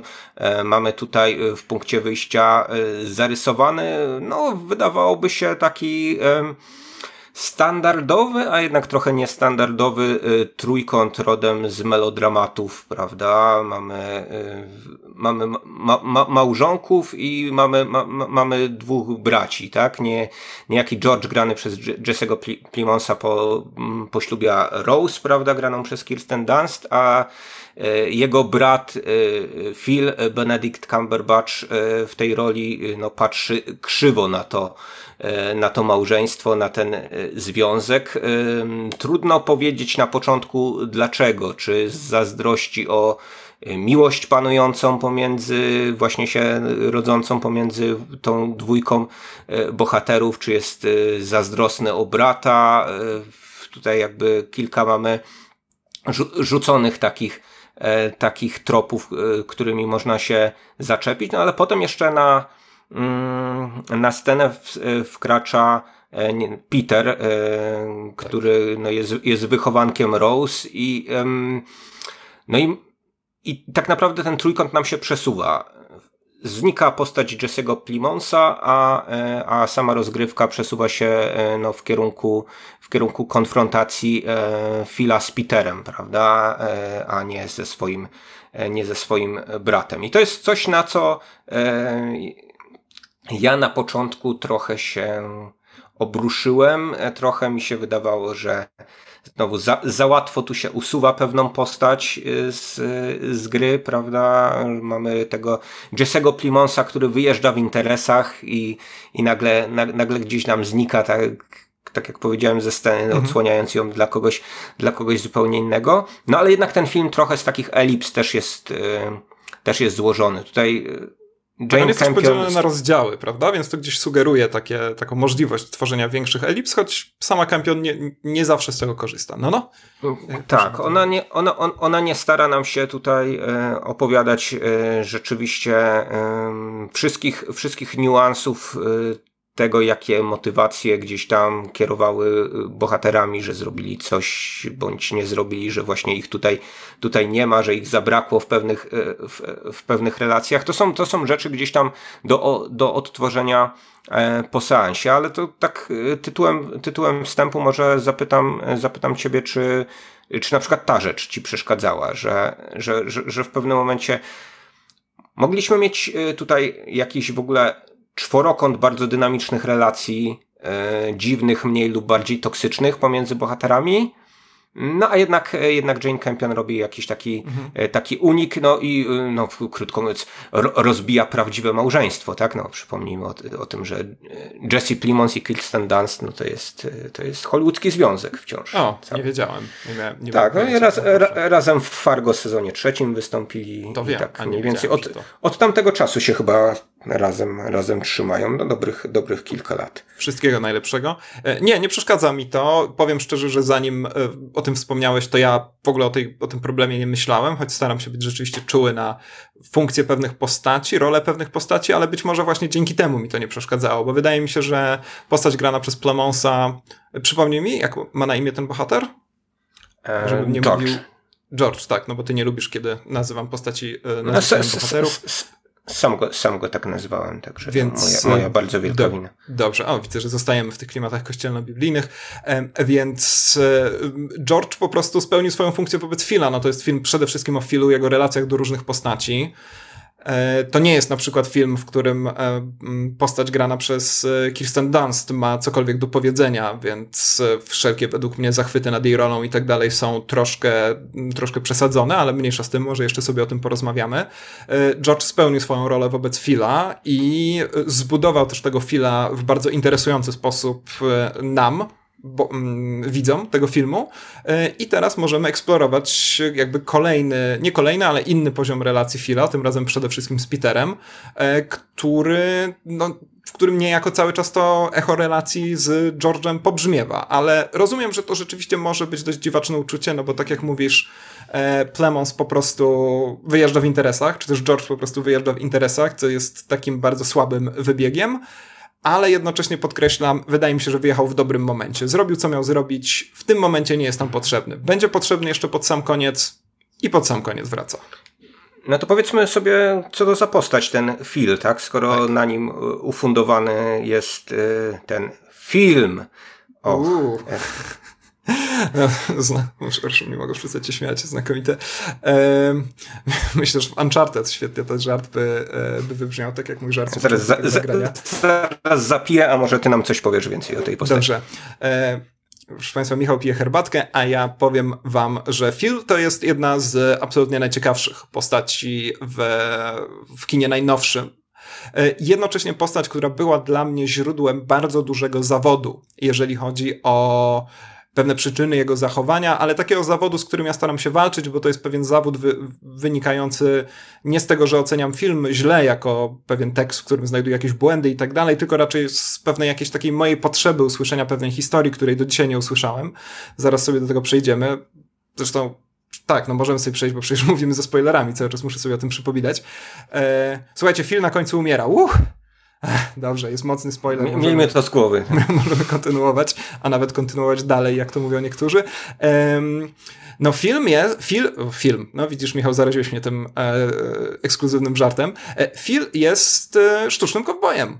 Przede wszystkim. Proszę Państwa, Phil jest kowbojem wykreowanym w całości przez no, z jednej strony przez Bronco Henry'ego, swojego legendarnego, nieżyjącego od 25 lat, kiedy zaczyna się film em, takiego patrona, nauczyciela tego i prawdopodobnie nie tylko e, tego, jak należy zachowywać się na ranczu. Em, Phil jest też człowiekiem, który tak bardzo zatraca się w tym kowbojowaniu, bo myślę, że on się zajmuje tym właśnie. To jest takie słowo, które właśnie wymyśliłem, ale Phil zajmuje się przede wszystkim kowbojowaniem, że, że zupełnie zapomina o tym, kim być może wcześniej był, zatraca się w takiej absolutnej sztuczności i pielęgnuje przede wszystkim tą sztuczność e, gdzieś tam zgodnie z zasadą, z kim przestajesz, takim się stajesz, e, rzeczywiście gdzieś tam internalizuje tego Bronco Henry'ego do jakiegoś zupełnego absurdu. E, I to, co w tym filmie jest być może najpiękniejsze, mm, jeżeli chodzi o samą konstrukcję scenariuszową, mm, to fajnie, że teraz możemy mówić o dobrym scenariuszu po tym, jak narzekaliśmy przez prawie godzinę na temat Uncharted, to to, w jaki sposób poznajemy tę drugą twarz Phila. I tutaj serdecznie podziękowania też dla mojego taty, mm, no nie tylko znawcy westernów i autora książki pod wielomówiącym tytułem Encyklopedia Dzikiego Zachodu, ale też E, człowieka, który właśnie zwrócił mi uwagę na kilka takich kwestii, na które ja nie zwróciłem uwagi. E, dla mnie takim najbardziej, powiedzmy, może nie szokującym, ale zwracającym, no właśnie, uwagę momentem tego filmu jest ten, kiedy dowiadujemy się, że Phil skończył Yale. Film skończy, Phil skończył Yale, e, jest biegły z greki, z łaciny, Mm, I rzeczywiście jest człowiekiem, który w teorii na tym ranczu tak naprawdę nie powinien w żaden sposób się odnaleźć. To, na co zwrócił mój tata mm, uwagę, to to, że jednak dużo wcześniej to poznajemy, mianowicie w takiej niewinnej i wcześniej trochę nie rozumiałem nawet funkcji tej sceny, y, scenie właśnie, kiedy, kiedy Phil wpisuje się do księgi gości.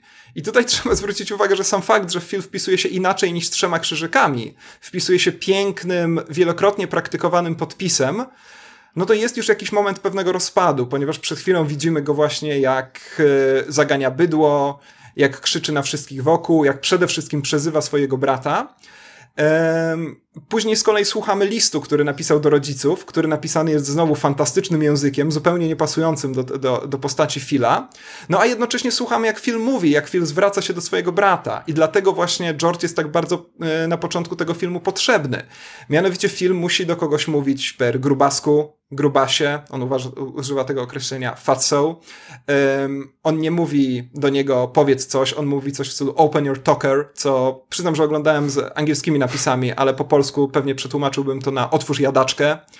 Więc Phil trochę mówi takim językiem e, ze słownika gwary kowbojskiej, którego się nauczył, który nosił gdzieś tam w jednej z obszernych kieszeni swoich e, ogromnych kowbojskich spodni i po prostu nauczył się tak mówić, ale to nijak nie pasuje Y, to, to nijak nie współgra z tą jego osobowością poprzednią. I to też jest magia castingu Benedicta Cumberbatcha, który jest ostatnim aktorem do grania twardych kowbojów.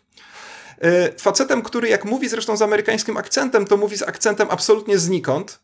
Jak on gra jakiegoś doktora Strange'a i tak dalej, to, to bardzo trudno się go słucha, bo słychać, że jest to, aktor, że jest to aktor udający akcent po prostu. No a tutaj to wszystko fantastycznie pasuje. E, Phil jest zupełnie zachwycającą postacią mm, pod tym kątem. E, zanim przejdę może, no i w pewnym momencie oczywiście dowiadujemy się, że Phil jest najprawdopodobniej osobą kryptohomoseksualną, która skrywa tą swoją orientację, która przede wszystkim gdzieś tam realizowała się w czasie jego, no właśnie, być może zupełnie osobistego związku z tym wspomnianym już przez nas nieraz Bronco Henrym. No to co, powiedz To coś, jeszcze dorzuc- do, do, do, dorzucę do tej twojej charakterystyki, y, zwłaszcza tych dualizmów, prawda, które no, no właśnie y, na, tym, na tym zbudowana jest ta postać, na takiej ambiwalencji kompletnej, prawda, też jakiejś właśnie przeszłości niedopowiedzianej, możemy domniemywać, że on z tego uniwersytetu być może za właśnie jakiś homoseksualny incydent został y, wydalony, prawda, że tam coś się stało takiego, że w pewnym momencie on E, osiadł na tym ranczu, e, prawda, i, i, i, przestał iść tą, tą, tą, e, tą ścieżką dobrze wyedukowanego dżentelmena, no on też tutaj jakby zna klasykę muzyczną, prawda? Tylko, no że właśnie, jego jest... instrumentem jest banjo, prawda? To jest na którym dualizm tego filmu. Granie marszu radeckiego na banjo. otóż, o, o, otóż to, no, jak y, wiemy chociażby z wybawienia Johna Burmana na banjo gra, y, gra banda redneków, prawda, która za chwilę będzie cię chciała y, zjeść Będziesz bądź zgwałcić. A, a tutaj O Boże. No, nie, nie, no, nie będę, nie, nie będę chyba raczej, no przynajmniej nie w tym podcaście oszczędzę tego słuchaczom. E, natomiast e, no, chcia, chciałem jeszcze, jeszcze powiedzieć, że mm, Phil jest y, z takiej perspektywy dzikiego zachodu, o którym wspomniałem, no, spóźnionym kowbojem, bo mamy rok 1925, tak, jeśli się dobrze tutaj orientuję, więc y, jakby czasy podboju dzikiego zachodu minęły, a on y, stara się funkcjonować jak, no nie powiem ktoś, kto jest reliktem przeszłości, no bo rancherzy jakby do dzisiaj tak, funkcjonują, tak, prawda, w, w, w rejonach w Ameryki, zwłaszcza tej E, zwłaszcza tej e, zachodniej jej części. Natomiast e, z drugiej strony on jest takim, no, przepraszam za anglicyzm, ale takim over the top tak. właśnie ko, ko, kowbojem, który jest no, podobnym kowbojem jak ci śpiewający kowboje y, z, z, z, filmów, y, z filmów y, amerykańskich lat 30. i 40., prawda? Którzy, którzy też byli swego rodzaju jakąś taką imitacją tej figury, prawda? Też no, jakby egzystowali już w warunkach, w których no te realia dzikiego zachodu no, zanikły tak naprawdę, znaczy wciąż, tak jak mówię, no, pojawiają się ludzie, którzy są kowbojami, no bo zajmują się krowami, prawda, wypasem bydła i tak dalej, ale no tak, dosłownie jakby czy, albo czy, ale część, y, część tego imidżu takiego właśnie związanego przede wszystkim z jakąś, z jakąś formą agresji, tak, i, i ciągłą, ciągłą walką, walką o swoje, no to jednak cały czas się osłabiało, no i, i, i, i ten film jest też właśnie dla mnie fantastyczną próbą e, pokazania tych takich zmierzchowych klimatów y, y, tego okresu, kiedy to docierają już pewne artefakty y, zupełnie nowoczesne. E, co interesujące tutaj, Tutaj właśnie takim artefaktem dla mnie są tenisówki, prawda? Charakteryzujące. Ja, tak, Peter ubiera konwersy w pewnym momencie. Tak, to, to, to, to, jest symbol, symbol zmiany męskości, tak? zmiany wzorca męskości. W tym filmie te, te, te, te, tenisówki nie tylko kontra zabłocone bu, buciory Fila, ale też kontra jego takie e, spodnie do jazdy konnej, prawda? Też e, tak. jak, e, no jak dzisiaj już z takiego zdjęte z takiego e, kowboja rodem z Village People, prawda? Tak, można taki tak, kostium tak, kowboja tak, pewnie sobie tylko na, na, na, na no, jakiś... Z jakiegoś parku rozrywki, nie? Z jakiegoś, z jakiegoś Westworld chciałoby się powiedzieć.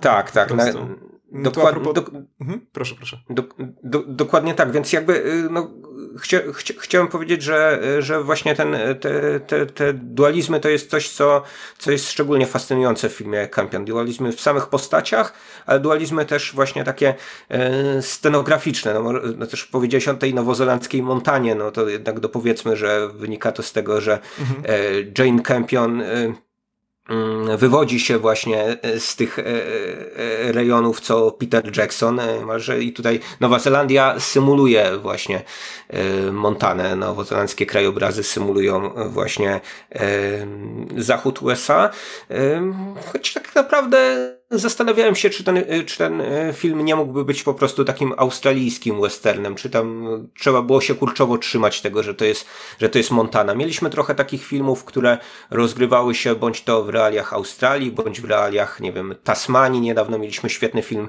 e, Jennifer Kent, The Nightingale chociażby.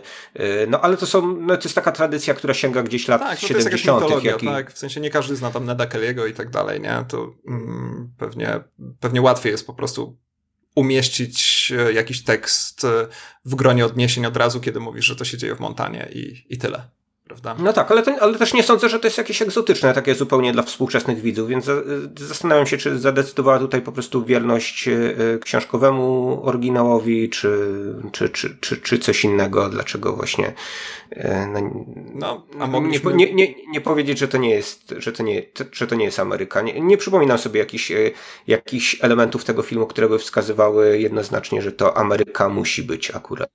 Tak, no być może Benedict Cumberbatch nie zgodził się na Australię akcent, który wiadomo, że jest e, trochę bliższy temu jemu klasycznemu niż, e, bliższy jest jego klasycznego akcentu niż, niż, niż akcent amerykański, ale może no, Jesse Plemons był, był takim typowym, typo, byłby takim typowym okerem, tak? Prawda? Tak. Też w tych aus australijskich filmach mieliśmy takie postaci y, gdzieś tam przesiadujące w, w barach, pijące piwo i, i głośno bekające chociażby, tak? Tak, Więc może był takim było... Australijczykiem, którego spotkasz w każdym europejskim hostelu, nieważne gdzie, gdzie akurat się e, udajesz. E, tak, e, to porozmawialiśmy sobie rzeczywiście o tym dualizmie Phila, który jest w tym wszystkim e, absolutnie najbardziej fascynujący. Mówisz, że to on jest właśnie taki, tak jak wspomniałeś z angielska, over the top, e, zdecydowanie przesadzonym kowbojem. No on przecież ma tą armię rancherów, którzy praktycznie nic nie robią, bo jak trzeba wykastrować ileś byków, to on to oczywiście zrobi samemu, co jest też jakąś taką zupełnie dziwaczną sceną. On oczywiście samemu, mm, to znaczy on oczywiście nie będzie się mył, co jest bardzo ważną kwestią tego, że on odrzuca jakieś takie nowoczesne relacje społeczne, ponieważ prawdziwie prawdziwy cowboy się e, myje tylko od czasu do czasu, albo w ogóle. No, nasz bohater myje się minimum raz, widzimy tą scenę i pewnie zaraz sobie o niej, e, o niej porozmawiamy. E, I to mi się rzeczywiście ogromnie podoba. To takie sztuczne kowbojowanie, po prostu. Tak jak wspomniałeś, no rancherzy do dzisiaj w bardzo podobny sposób funkcjonują, tylko wspomagają ich w tym nowoczesne maszyny, ale rzeczywiście jest w tym jakaś taka próba utrzymania tego świata, gdzie pozornie było prościej. I to znowu pozornie, ponieważ to nie jest tak, tak, że na Dzikim Zachodzie nie było, nawiązując do dwóch właśnie w cudzysłowie kontrowersyjnych westernów, wliczając w ostatnich lat, wliczając w to psie pazury ani homoseksualistów, ani e, czarnoskórych rewolwerowców. Oni jak najbardziej byli, było ich zresztą całkiem sporo, ponieważ na to wskazują pewne statystyki po prostu i zdrowy rozsądek. Um, ale, ale gdzieś tam no, w tym przekazie, przekazie na, na, na kolejne 150 lat zniknęli.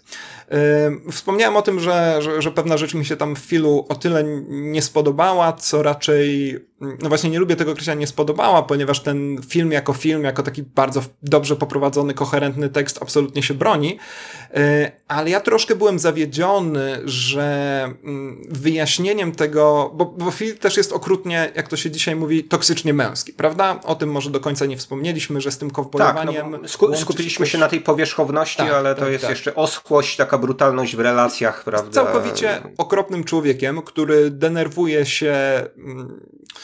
No, wydaje się, że bez powodu, który ciągle jest napięty, które, którego rozrywa jakaś taka wewnętrzna wściekłość, gniew i szaleństwo. I powiem szczerze, że mm, troszkę, troszkę zawiodłem się, kiedy mm, wyjaśnili nam to w taki, no raczej oczywisty sposób. To znaczy tym, że to jest przede wszystkim związane z jego. Yy, no, gdzieś tam ukrywaną orientacją seksualną. Już powiem, czemu mm, to był pewien zawód dla mnie. Nie dlatego, broń Boże, że nienawidzę filmów LGBT i tak dalej. Proszę, proszę nie przemontowywać tego podcastu tak, żeby wyszło to w ten sposób. E, otóż mnie się marzy taka historia o mężczyźnie, który jest e, bez wyraźnego powodu rozrywany właśnie tym gniewem, wściekłością, jest człowiekiem niespokojnym, który nie może sobie znaleźć miejsca i, i przez to rzeczywiście krzywdzi tak naprawdę wszystko ich wokół siebie.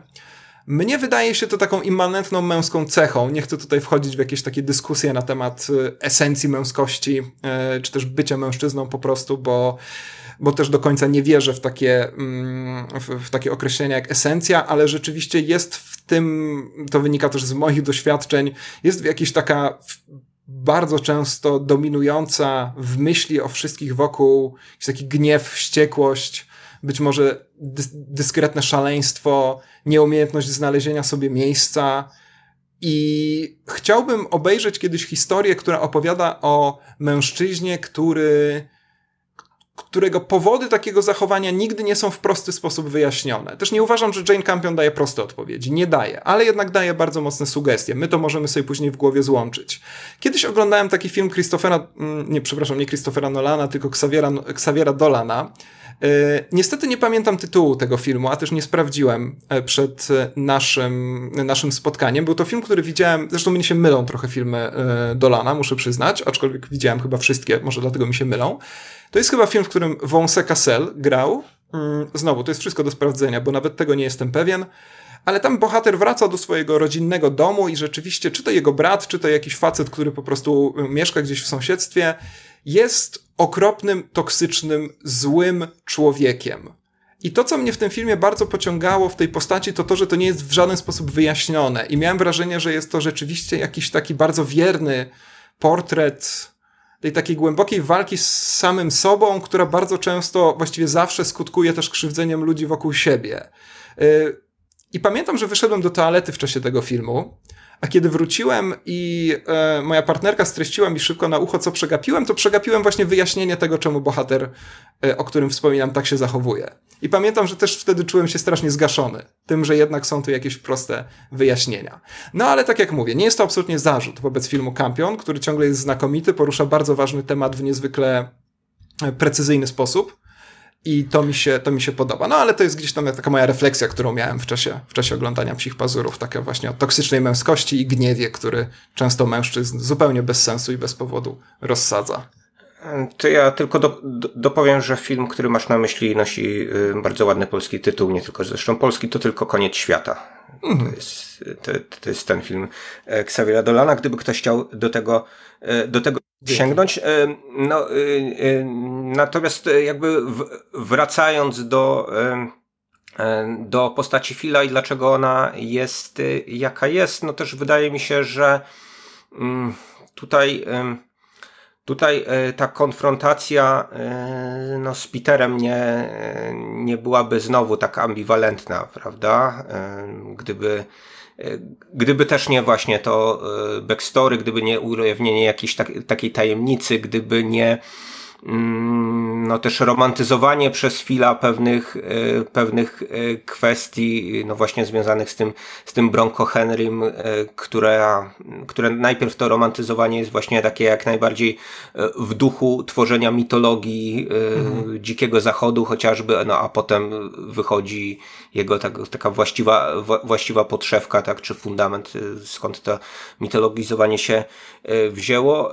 No ale też też wydaje mi się, że y, tutaj jakby ujawnienie mm, tej orientacji no jest istotne ze względu y, na to, że y, wchodzi, jak wcześniej powiedziałem, w pewnym momencie dopiero ten Peter na, na, na scenę jako jedna z głównych, z głównych postaci i on niesie ze sobą e, już inny bagaż właśnie y, zachowań przynależnych y, właśnie postaciom o takiej orientacji. On już e, pokazuje jakąś, jakąś właśnie zupełnie inną drogę. On jest właśnie tą współczesną e, współczesną postacią e, homoseksualną, z której ludzie drwią prawdopodobnie w podobny sposób, jak kiedyś drwili z Fila, natomiast jego recepta na E, na zachowanie w tym, e, w tym środowisku jest zupełnie inna i jego też jakiś pancerz, który wykształcił jest, jest na, czymś, e, na czymś innym zbudowanym, nie na kreowaniu jakiejś sztucznej persony,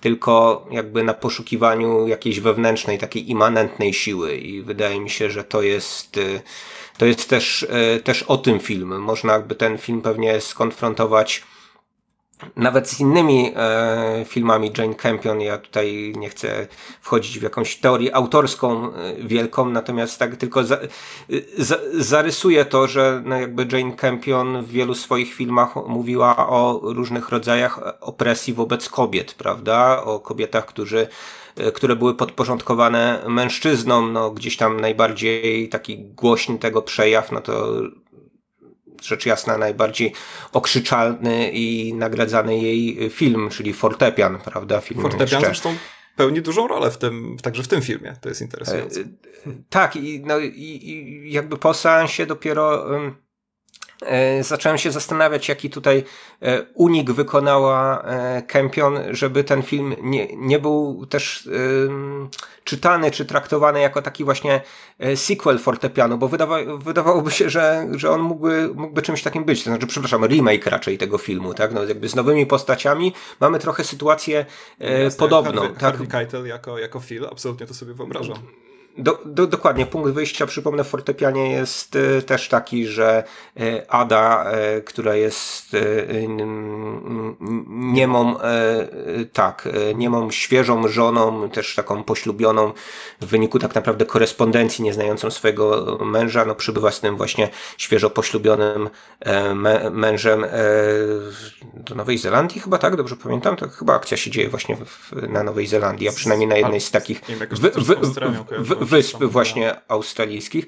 Mhm. No, no, no i, tam, i tam pojawia się ten trzeci właśnie taki brutal grany przez Harveya Keitela, który y, znowu no, do, do, do, dokonuje niejako takiego aktu agresji wobec no, rzeczy, która jest najbardziej ukochana przez, przez Adę, czyli wobec muzyki, tak, wobec instrumentu muzycznego, na którym ona gra, tego ty, fortepianu. I tam jakby następowało pewnego rodzaju oswajanie tej, tego, tego brutala, tej, tej brutalnej męskości. No, wszystko się odbywało w tym takim właśnie e, trójkącie trochę melodramatycznym, tak, e, mąż, żona, e, kochanek, a tutaj właśnie skręcamy Też jest córka zresztą, e, z tego, tak, skręcamy z tego punktu wyjścia e, bardzo podobnego e, w inne, w inne rejony, w konfrontację jakby starego wzorca męskości i nowego wzorca męskości, ale też jakby mm,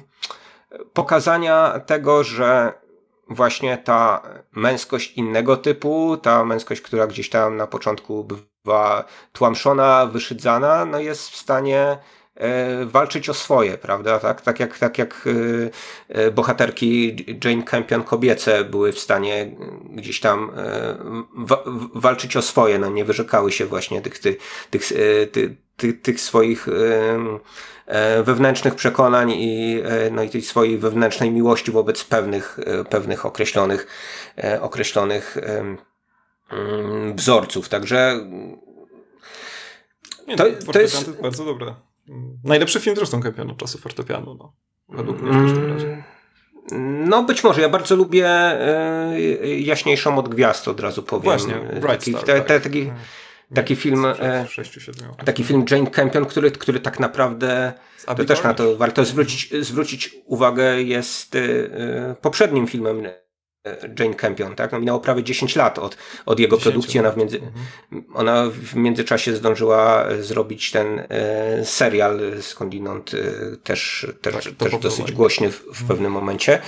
E, natomiast no, tam wszędzie właśnie te, te, te, te, te problemy, pro, problemy kobiet pozostających we władzy, mężczyzn, uwikłanych w jakieś właśnie takie e, toksyczne relacje były na pierwszym planie. Tutaj też mamy taką postać tak. kobiecą, mhm. która właśnie, postać Rose, która też jak znowu w fortepianie Ada jest e, postacią trochę przeszczepioną w obce jej środowisko, trochę nie mogącą się odnaleźć w nim i, i, no i przez to właśnie zatracającą się w nałogu. E, no ale ten wątek jest e, jakimś wątkiem takim dopełniającym, prawda? To znaczy możemy tutaj znowu podyskutować o tym, na ile właśnie mm, no takie, a nie inne traktowanie Rose jest tym, tym takim właściwym impulsem dla, dla Petera, że, e, że robi on to, co robi, to znaczy konfrontuje się bezpośrednio z filmem no i ostatecznie go wynika, że 100%. Prawda? Mm, tak, jest... ale, mhm, mhm, mhm. no ale to jest jakby jedna sprawa, a drugą sprawą, no wydaje mi się jednak yy, kwestia, no taka bardziej symboliczna, no kwestia symbolicznej konfrontacji yy, sztucznej męskości, jak powiedziałeś, takiej zmitologizowanej, ale właśnie kompletnie e, nierealnej, takiej, w której no, pewne rzeczy są e, no, zepchnięte po freudowsku wręcz, tak? No bo to jest taki film, który można byłoby w ogóle psychoanalizą potraktować, to, że ten film w tym miejscu ma swoje, ma swoją przestrzeń, w której jest w stanie być sobą, ale musi się do, te, do tego miejsca przeczołgać przez jakiś tam właśnie y, tunel taki, jest to gdzieś właśnie to jest jakby jego miejsce w głowie tak naprawdę, tak? Gdzieś zepchnięte, zepchnięte do podświadomości tego, kim, kim on, kim on tak. jest naprawdę, no a, no, a, a, a, na, a, na, a, na powierzchni, a na powierzchni tego no jest to takie właśnie kowbojskie superego, prawda, z tym całym bagażem, który no widać, że mu ciąży jakoś tam, ale no on się tak mocno go trzyma, yy, no bo to jest to już tak mocno się z nim zrosło, że no jakby ten cały bagaż też w pewnym momencie chce sprzedać e, sprzedać Peterowi, tak? I, i, i bo, bo, bo w pewnym momencie no, z, z, zaczyna się od jakiejś takiej to, oczywiście totalnej szorstkości i oschłości w ich relacjach, tak jak w tych relacjach braterskich, ale potem no, wydaje się, że że e, Phil będzie e, próbował, być może nawet skutecznie, e, usynowić tego Petera, kiedy odkryje, że, że w zasadzie on trochę tak powtarza jego drogę, tak? że prawdopodobnie powtarza jego drogę, że prawdopodobnie konfrontuje się z tym samym, z czym Phil, Phil konfrontował się w przeszłości, zanim przyjął tę maskę i przyjął ten, przy, przyjął ten swój, e, swój kowbojski e, pancerz. Więc to jest dla mnie bardzo, bardzo interesujący film pod, pod względem tego, jak on też operuje tym, tym, tym symbolizmem wielu artefaktów, które się tutaj pojawiają. Jakieś papierowe kwiaty, te tenisówki, właśnie góra w kształcie psa i tak dalej. No z tego wszystkiego tak, możemy różne jest, rzeczy czytać rzeczywiście jest tego bardzo dużo, no te papierowe kwiaty gdzieś tam przecież skręcane na zbliżeniu przez e, Petera, później gdzieś znajdują odbicie, odbicie w tym lasso, które e, skręcane jest z kolei przez, e, przez Fila. To, o czym mówisz, o tym tunelu, prawda, który gdzieś tam być może siedzi w głowie Fila, prowadzi mnie na mm, trop tego, żeby no, jak najbardziej pochwalić to, jak przestrzennie ten film jest skonstruowany. Znakomity, zresztą i też w jakiś sposób być może odbija pewną taką e, budowę psychologiczną tej postaci, no bo przede wszystkim na środku, oczywiście na środku tego pustkowia mamy ten zupełnie dziwaczny dom. Ta rezydencja jest zupełnie dziwaczna. Nie dość, że ona wydaje się tam tak nie na miejscu, to jeszcze niesamowite jest to, choć to jest tylko króciutki detal, że naszych dwóch braci, mimo tego, że ma do dyspozycji ogromną ilość poko liczby pokoi, śpi obok siebie. I oni tak, oni, ma, oni są obaj grubo po 40, jak się wydaje, yy, mieszkają na tym ranczu bardzo, bardzo długo i rzeczywiście tak spędzają całe życie, bardzo blisko siebie, nawet zresztą kiedy wyjeżdżają do tego przybytku Rose, to, to śpią yy, już wtedy w jednym łóżku.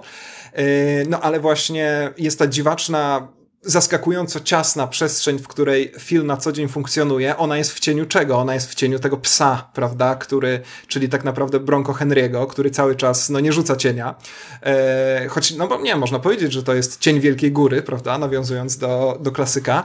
E, i w tym cieniu właśnie mm, przychodzi, przychodzi żyć Philowi, ale jest gdzieś przecież zupełnie dosłowny tunel, prawda, przez który on w drzewach jest w stanie się przekopać, żeby znaleźć tą swoją przestrzeń dla siebie, o której wspomniałeś, wspomniałeś e, która jest nie tylko w głowie, ale też, no właśnie, mamy zupełnie dosłownie jest to przestrzeń geograficzna na tej przecież bardzo wąskiej mapie tego filmu, tak, bo on jest e, jak na western, gdzie tam cały czas widzimy te pustkowie w tle, e, to pustkowie w tle, no to jest jednak filmem mm, zaskakująco ciasnym i, i to jest też fantastyczny detal tego filmu, że nawet to jak bohater się przemieszcza wśród kolejnych lokacji, to jest też faktycznie niezwykle, niezwykle istotne. Więc więc tak, no wszystko buduje tego fila.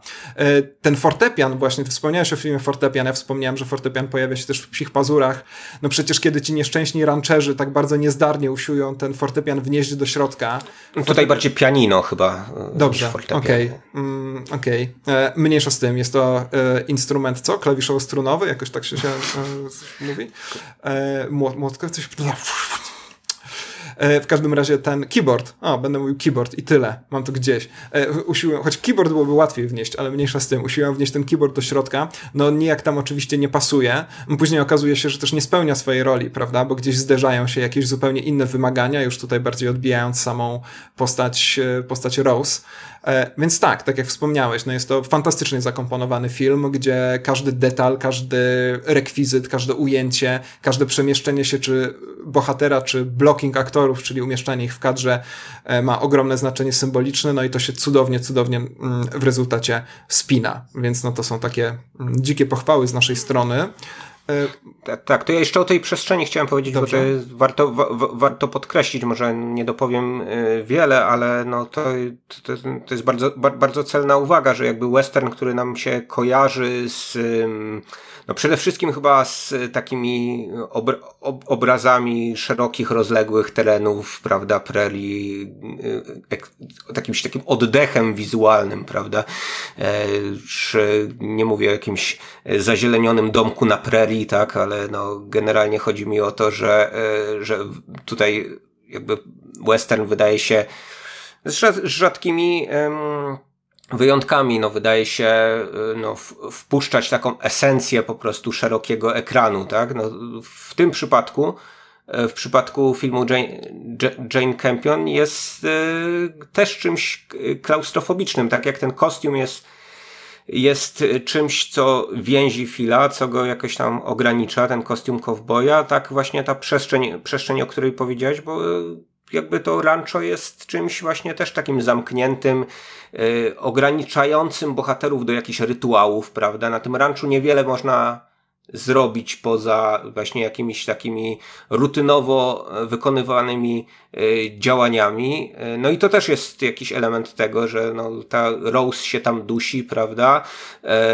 Ten Peter jednak mimo wszystko wydaje się, że znajduje sobie jakąś taką ścieżkę ucieczki, tak, tak że na po... rozrywkę. Mhm. Że, no on na początku właśnie, bo tu też wchodzi nam e, królik jako symbol, prawda? Na, na początku wydaje się, że on jest takim, e, takim, takim króliczkiem, którego no, ten film e, będzie tresował niejako, tak, że będzie gdzieś tam go właśnie przygniatał coraz bardziej. I tutaj mamy tę scenę takiej właśnie odgarniania E, gałęzi, pod którymi jest ten, jest ten królik, no, a, no ale mamy, mamy symboliczną scenę, w której Peter tego e, królika poddaje autopsji, tak można powiedzieć, i, e, i, i koniec końców, no nie wiem, no chyba, chyba zabija tego króliczka też w sobie. Nie, nie wiadomo do końca tak naprawdę, Zabij czy on. króliczka w sobie, najgorszy czy, w historii. Znaczy nie, nie, nie wiemy, to też jest ciekawe w tym filmie, czy mamy do czynienia z jakimś przeobrażeniem tego bohatera też y, no, w rodzaju nawet pewnego rodzaju psychopaty, można no, powiedzieć. No, czy on nie był po prostu, czy, czy... no tak, no, jest to, to co robi, no to jest, jakby nie patrzeć, nie powinniśmy tego traktować jako normę, prawda? Bo jednak no, to oczywiście. chwila.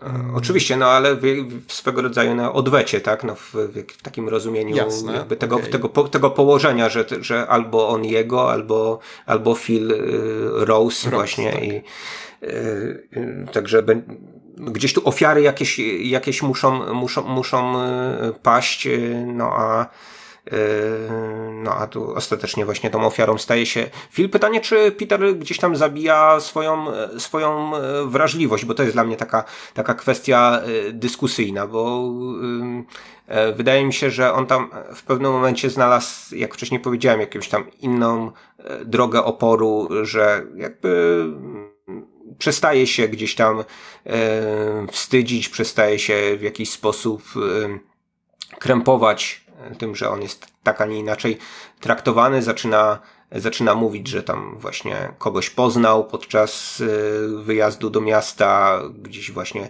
pojawiają się te białe tenisówki, w których on paraduje pośród gwizdów różnych i no i dla, dla Fila to jest e, taki moment, moment przełomu, w którym, w którym Filowi się wydaje, że no tego chłopaka trzeba ratować, tak, no bo on tu jest już zupełnie e, gdzieś na krawędzi, prawda, i zaraz, zaraz tego króliczka, no, ugotują, tak, ci pozostali kowboje, więc hmm. on go, e, on, on trochę, on zabije w nim tego królika, zrobi z niego mężczyznę, zrobić z, z, niego, no nie wiem, wilka, jakiś, nie, nie wiem, jaką antynomię królika jeszcze tutaj tak, możemy... Co, co jest, mo, kto jest naturalnym wrogiem królika, oprócz człowieka? Mo, możemy, mo, możemy znaleźć, no ale nie wiem, no być może to też jest opowieść o tym, że mm, króliczek jest najgroźniejszym stworzeniem, jak w Monty Pythonie, prawda, tak? Mieliśmy tego morderczego tak. królika i, i trzeba na takiego króliczka uważać, tak? No bo on jest nie tylko, nie tylko szybki, ale jaki ale także, także groźny. Więc, więc, więc pytanie do ciebie, czy, te, czy, czy uważasz, że, że, że Peter tutaj przechodzi jakąś przemianę, że właśnie zabija coś w sobie, że to, że też właśnie przechodzi na ciemną stronę, czy to jest raczej e, gdzieś tam konsekwencja po prostu m, też być może jego osobowości ukształtowanej przez to, że miał do czynienia właśnie z ojcem alkoholikiem, prawda, i gdzieś to wszystko gdzieś tam w nim cały czas siedziało, ale on wciąż będzie tak naprawdę taki sam, taki jaki był, tylko na moment wyciągnął gdzieś ze Słuchaj, środka to, co najgorsze. E, z kapelusza. E, słuchaj, no e, powiem ci tak, że mm, cały ten twój monolog gdzieś doprowadzi, prowadzi mnie nawet powoli do zorientowania się, jaki byłby element tego filmu, który rzeczywiście gdzieś mi całkowicie nie przypasował, bo w gruncie jeszcze trudno mi odpowiedzieć na twoje pytanie i nie jestem usatysfakcjonowany tym, że jest trudno mi na to odpowiedzieć. Peter rzeczywiście jest taką postacią, o której paradoksalnie wiemy, paradoksalnie, no bo przecież jest dość dużo scen z nim, także, także samotnym, ale rzeczywiście nie wiemy o, tym, o, o nim dużo, trudno nam ukształtować sobie jego osobowość w jakiś sposób w głowie. E, być może to jest problem tego, że w cieniu tej bardzo dynamicznej, kompleksowej, złożonej i fascynującej osobowości Phila, to po prostu inni bohaterowie gdzieś nieważne jak dobrze byliby wygrani, a tutaj przecież to się udaje, mm, to, to, to jednak ciągle w tym cieniu, no właśnie pozostaną. Y, I, i to jest znakomite, znakomite pytanie, Michał, ale też no, zabiłeś mi ćwieka, bo faktycznie trudno mi powiedzieć, czy on przechodzi taką przemianę, czy jest tam jakiś moment, w którym on rzeczywiście podejmuje taką decyzję. To by tak, jeżeli rzeczywiście mielibyśmy do czynienia z przemianą, to film klasyczny. W każdym razie w ten sposób tak by to chciał potraktować, tak? Pokazałby nam jakiś moment, który świadczy o jego motywacji i on rzeczywiście w tym momencie tej zmiany w sobie dokonuje, czy też ona raczej się dokonuje, albo ktoś inny e, ją, jej dokonuje. E, tutaj... No, no po, po, powiem mocniej, gdybyśmy mieli tu do czynienia z jakimś takim kinem gatunkowym pełną gębą, no to yy, mielibyśmy do czynienia z genezą Normana Batesa, prawda? No ja jakby nieodparcie yy, mi się ten film kojarzył z psychozą Hitchcocka, potem yy, no, dostrzegłem, że nie tylko mnie i tutaj jakby oczywiście kilka elementów wi wizualnych też na to. No tak, o, o, oprócz tego, że gdzieś tam ten aktor, który nazywa się Cody, e, Boże zapomniałem w tym tak, momencie. Podwójne nazwisko. E, Cody Smith McPhee, tak? Trudne, mhm. trudne nazwisko, ale nauczymy się pewnie tak, niedługo, a przynajmniej ja postaram się to zrobić. No, kojarzy się trochę z fizjonomią Antonego Perkinsa, ale też właśnie to takie domostwo, trochę gotyckie, prawda, takie przepastne, ale jak powiedziałeś, no, nie do końca wykorzystane. Cień matki wiszący nad tak nad, y, nad, nad, nad właśnie bo, bohaterem, co prawda jeszcze nie zmumifikowanej, ale powoli no, mumifikującej się, no, balsamującej się od środka, tak, tak można powiedzieć, tak, przekształcającej się tak. trochę w taką... Y, no tak, ale to jest w takim razie też ciekawy mm, kontrast do Fila, który rzeczywiście mm, te przyczyny mm, pewnych jego zachowań są jasno wyłożone, a tutaj, no nie powiedziałbym, że mamy do czynienia z genezą, no bo geneza jednak, zwłaszcza taka geneza gatunkowa, e, klasyczna, e, których teraz mamy pełno w kinach, e, zakłada mm, rodzenie się rzeczywiście tej postaci. Tutaj być może w momencie, kiedy on pierwszy raz odzywa się jeszcze za ekranu, gdy rozpoczynają się psie pazury, bardzo możliwe, że on już taki jest prawda? Mhm. Y, I trudno powiedzieć, że nie wiem, moment, kiedy na początku jeszcze zostaje doprowadzony do płaczu, czy moment, kiedy rzeczywiście wszyscy wyszy, wysy, wyszydzają jego protokonwersy, to jest moment, kiedy on faktycznie mm, coś tam klika, za przeproszeniem. Y, I rzeczywiście on podejmuje tę swoją decyzję, zwłaszcza, że może jeszcze chwilę o tym porozmawiamy, ten jego plan na fila, że tak powiem, jest oparty w dużej mierze na przypadku, więc trudno powiedzieć, czy E, czy rzeczywiście jest to element, czy to jest, przepraszam, efekt jakiegoś bardzo misternego planowania, czy raczej coś w rodzaju zbrodni w afekcie. Tu może nie do końca, ponieważ e, nie, śmierć nie wydarza się od razu po czynie, co gdzieś tam chyba powinno być definicją zbrodni w afekcie. Przepraszam, nie pamiętam ze studiów już, e, ale mam troszkę, e, i nie, nie z filmoznawczych, żeby nie było, takich rzeczy się nie uczyliśmy, ale wydaje mi się, że mm, to jest, tak jak powiedziałem na początku mm, tego, tego wątku, pewien problem nawet, że być może wolałbym Phila mniej wyeksplikowanego, a jakiś bardziej klarowny moment na drodze Petera. Teraz, gdy się nad tym zastanawiam, to jest coś, czego rzeczywiście mi w tym filmie brakuje. Jednocześnie dla mnie nie jest to w żaden sposób film o Peterze. Mhm. Peter jest dla mnie no, niemal rolą drugoplanową tam, on jest znowu, tak jak wcześniej mówiłem o George'u granym przez Jesse'ego Plemonsa, postacią, wobec której Phil się określa, wobec której my jako widzowie Phila definiujemy. Więc tak naprawdę mm, ten zarzut, który przed chwilą przedstawiłem, no tak naprawdę rodzi się we mnie dopiero po yy, 50-minutowej dyskusji o, mm, o psich pazurach. Więc no to jest też pytanie, czy rzeczywiście traktuje to faktycznie jako, jako jakiś poważny problem. Ale jest to, no. Jest to bardzo ciekawy wątek i pewnie będę jeszcze o nim myślał. Po no, ja, no ja właśnie cały czas się nad tym zastanawiam, czy tutaj yy, no, jakby myślenie o tym filmie też trochę czasami mnie wiedzie w stronę takiej totalnie mm, defetystycznej, negatywnej interpretacji, w której to mhm. E, Jane Campion mówiłaby, że w kontakcie z toksyczną męskością narodzi się inna toksyczna męskość, bądź też można po prostu tylko od tego uciec, tak? To znaczy jakby można przyjąć, przyjąć te reguły gry, które ta właśnie toksyczna męskość proponuje. Można się jej przeciwstawić, ale no wymaga to zabicia też także czegoś w sobie.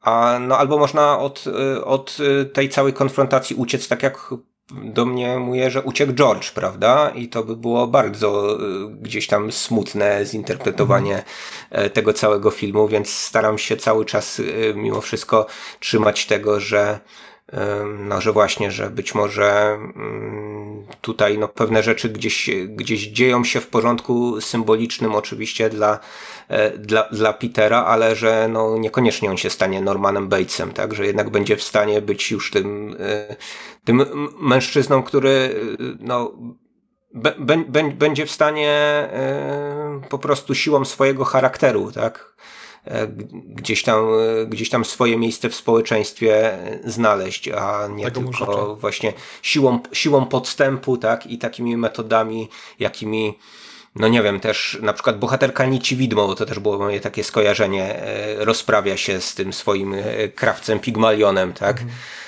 Woodcockiem. No bo to też jakby mm, ten, ten sposób jakby mm, zabójstwa, który jest tutaj E, tutaj opracowane, no to E, uruchamia mi, mi właśnie wszystkie, wszystkie skojarzenia z, z tymi różnymi takimi trućcielkami na przykład, prawda, które musiały się e, uciec, uciec właśnie do takiego, e, do takiego podstępu, tak, żeby tutaj gdzieś swojego, swojego oprawcę usunąć z drogi, więc no ale może to dobrze, no, że to jest pytanie otwarte, co dalej z tymi bohaterami, tak, co dalej tak, z tym no, byle byśmy nie, nie doczekali się sequelu, prawda, bo to musiało być już zupełnie jakieś dziwaczne zjawisko. E, będziemy powoli kończyć, ponieważ e, zbliżymy się zaraz do dwóch godzin, a staram się tych dwóch godzin jednak nie przekraczać. E, szkoda, bo to jest też moja wina, bo zmarnowałem bardzo dużo czasu na mój rant na Uncharted, ale pewnie fajnie by było ten czas raczej wykorzystać na rozmowę na przykład o tej intrydze, no niemalże kryminalnej, która, z którą mamy do czynienia w tym filmie i która spina się w dość dziwaczny sposób, bo tak jak wspomniałem, jest tam dużo elementów przypadku, ale jednocześnie wydaje mi się, że wszystko wskazuje na, wskakuje na swoje miejsce. Y, chciałbym no, koniec jeszcze... końców jest to moralitet opowiadający o tym, że y, higiena jest ważna tak, w życiu każdego Tak, człowieka. proszę Państwa, no chociaż my staramy się tutaj jako poważni krytycy filmowi oczywiście oddawać hołd Zygmuntowi Kałużyńskiemu, który jak wiadomo nie lubił się myć więc. No ciekawe. w czasach pandemii może by zaczął jednak, prawda? I ciekawe, to taki, to, to, taki, to taki film trochę o tym, że należy myć ręce jednak. E, tak, zwłaszcza jeżeli się zranisz. E, ostatnia tylko taka refleksja, bardzo dziwnie oglądało mi się w tym filmie Thomasin McKenzie w roli praktycznie epizodycznej. E, mhm. Powiem szczerze, od kiedy pojawiła się na ekranie, dziewczyna, która w ciągu ostatniego roku eksplodowała, jak to się brzydko mówi po angielsku, oglądaliśmy ją w głównych rolach w relatywnie dużych filmach. tutaj no, no praktycznie się Przypomnijmy, że w ostatniej nocy w Soho chociażby. Tak, to jest jej tak, główna, główna, rola. I, I, a tutaj gdzieś tam przemyka po prostu, raz sędziuje mecz tenisowy, a raz widzi, właśnie jest świadkiem tego, jak, e, tak jak wspomniałeś, Peter być może zabija w sobie także tego e, nieszczęsnego, biednego, biednego króliczka. No, taką na, na, nagrodę za epizod imienia Andiego Garcia, tak tutaj można byłoby tak. wręczyć właśnie. E, jak najbardziej. E, no nie będziemy też może rozmawiać już o tych rolach nominowanych i tak dalej. E, wspomniałem, że nieszczególnie podoba mi się Kirsten Dunst. Chodzi mi bardziej o to, że wydaje mi się, że po prostu nie miała szczególnie interesująco napisanej roli, aczkolwiek sama postać w jakiś tam sposób rzeczywiście jest fascynująca. To co, Michał? Czy jeszcze, jeszcze, jeszcze jakaś króciutka refleksja, przekaz, sentencja może na koniec, coś ci się urodziło w głowie, przesłanie do widzów, czy rzeczywiście domykamy ten, bardzo długi odcinek. No, wydaje mi się, że e, większość, większość jakichś takich ważnych e, wątków poruszyliśmy. Chciałem tylko powiedzieć, że nie wstydźcie się swoich trampków, jeżeli są białe, różowe czy zielone, noście je z dumą i to nie musicie chodzić w glanach przez cały rok. To jest piękne przesłanie i ja, ja już kończę ten podcast przez łzy teraz. Właśnie głaszczę swoje trampki. Trudno mi się mówi, bo je przytulam właśnie do twarzy. Słuchajcie, no, powiedzcie o tym podcaście jednej osobie na ulicy Losowej oczywiście. No i do usłyszenia. Sayonara, żółwie.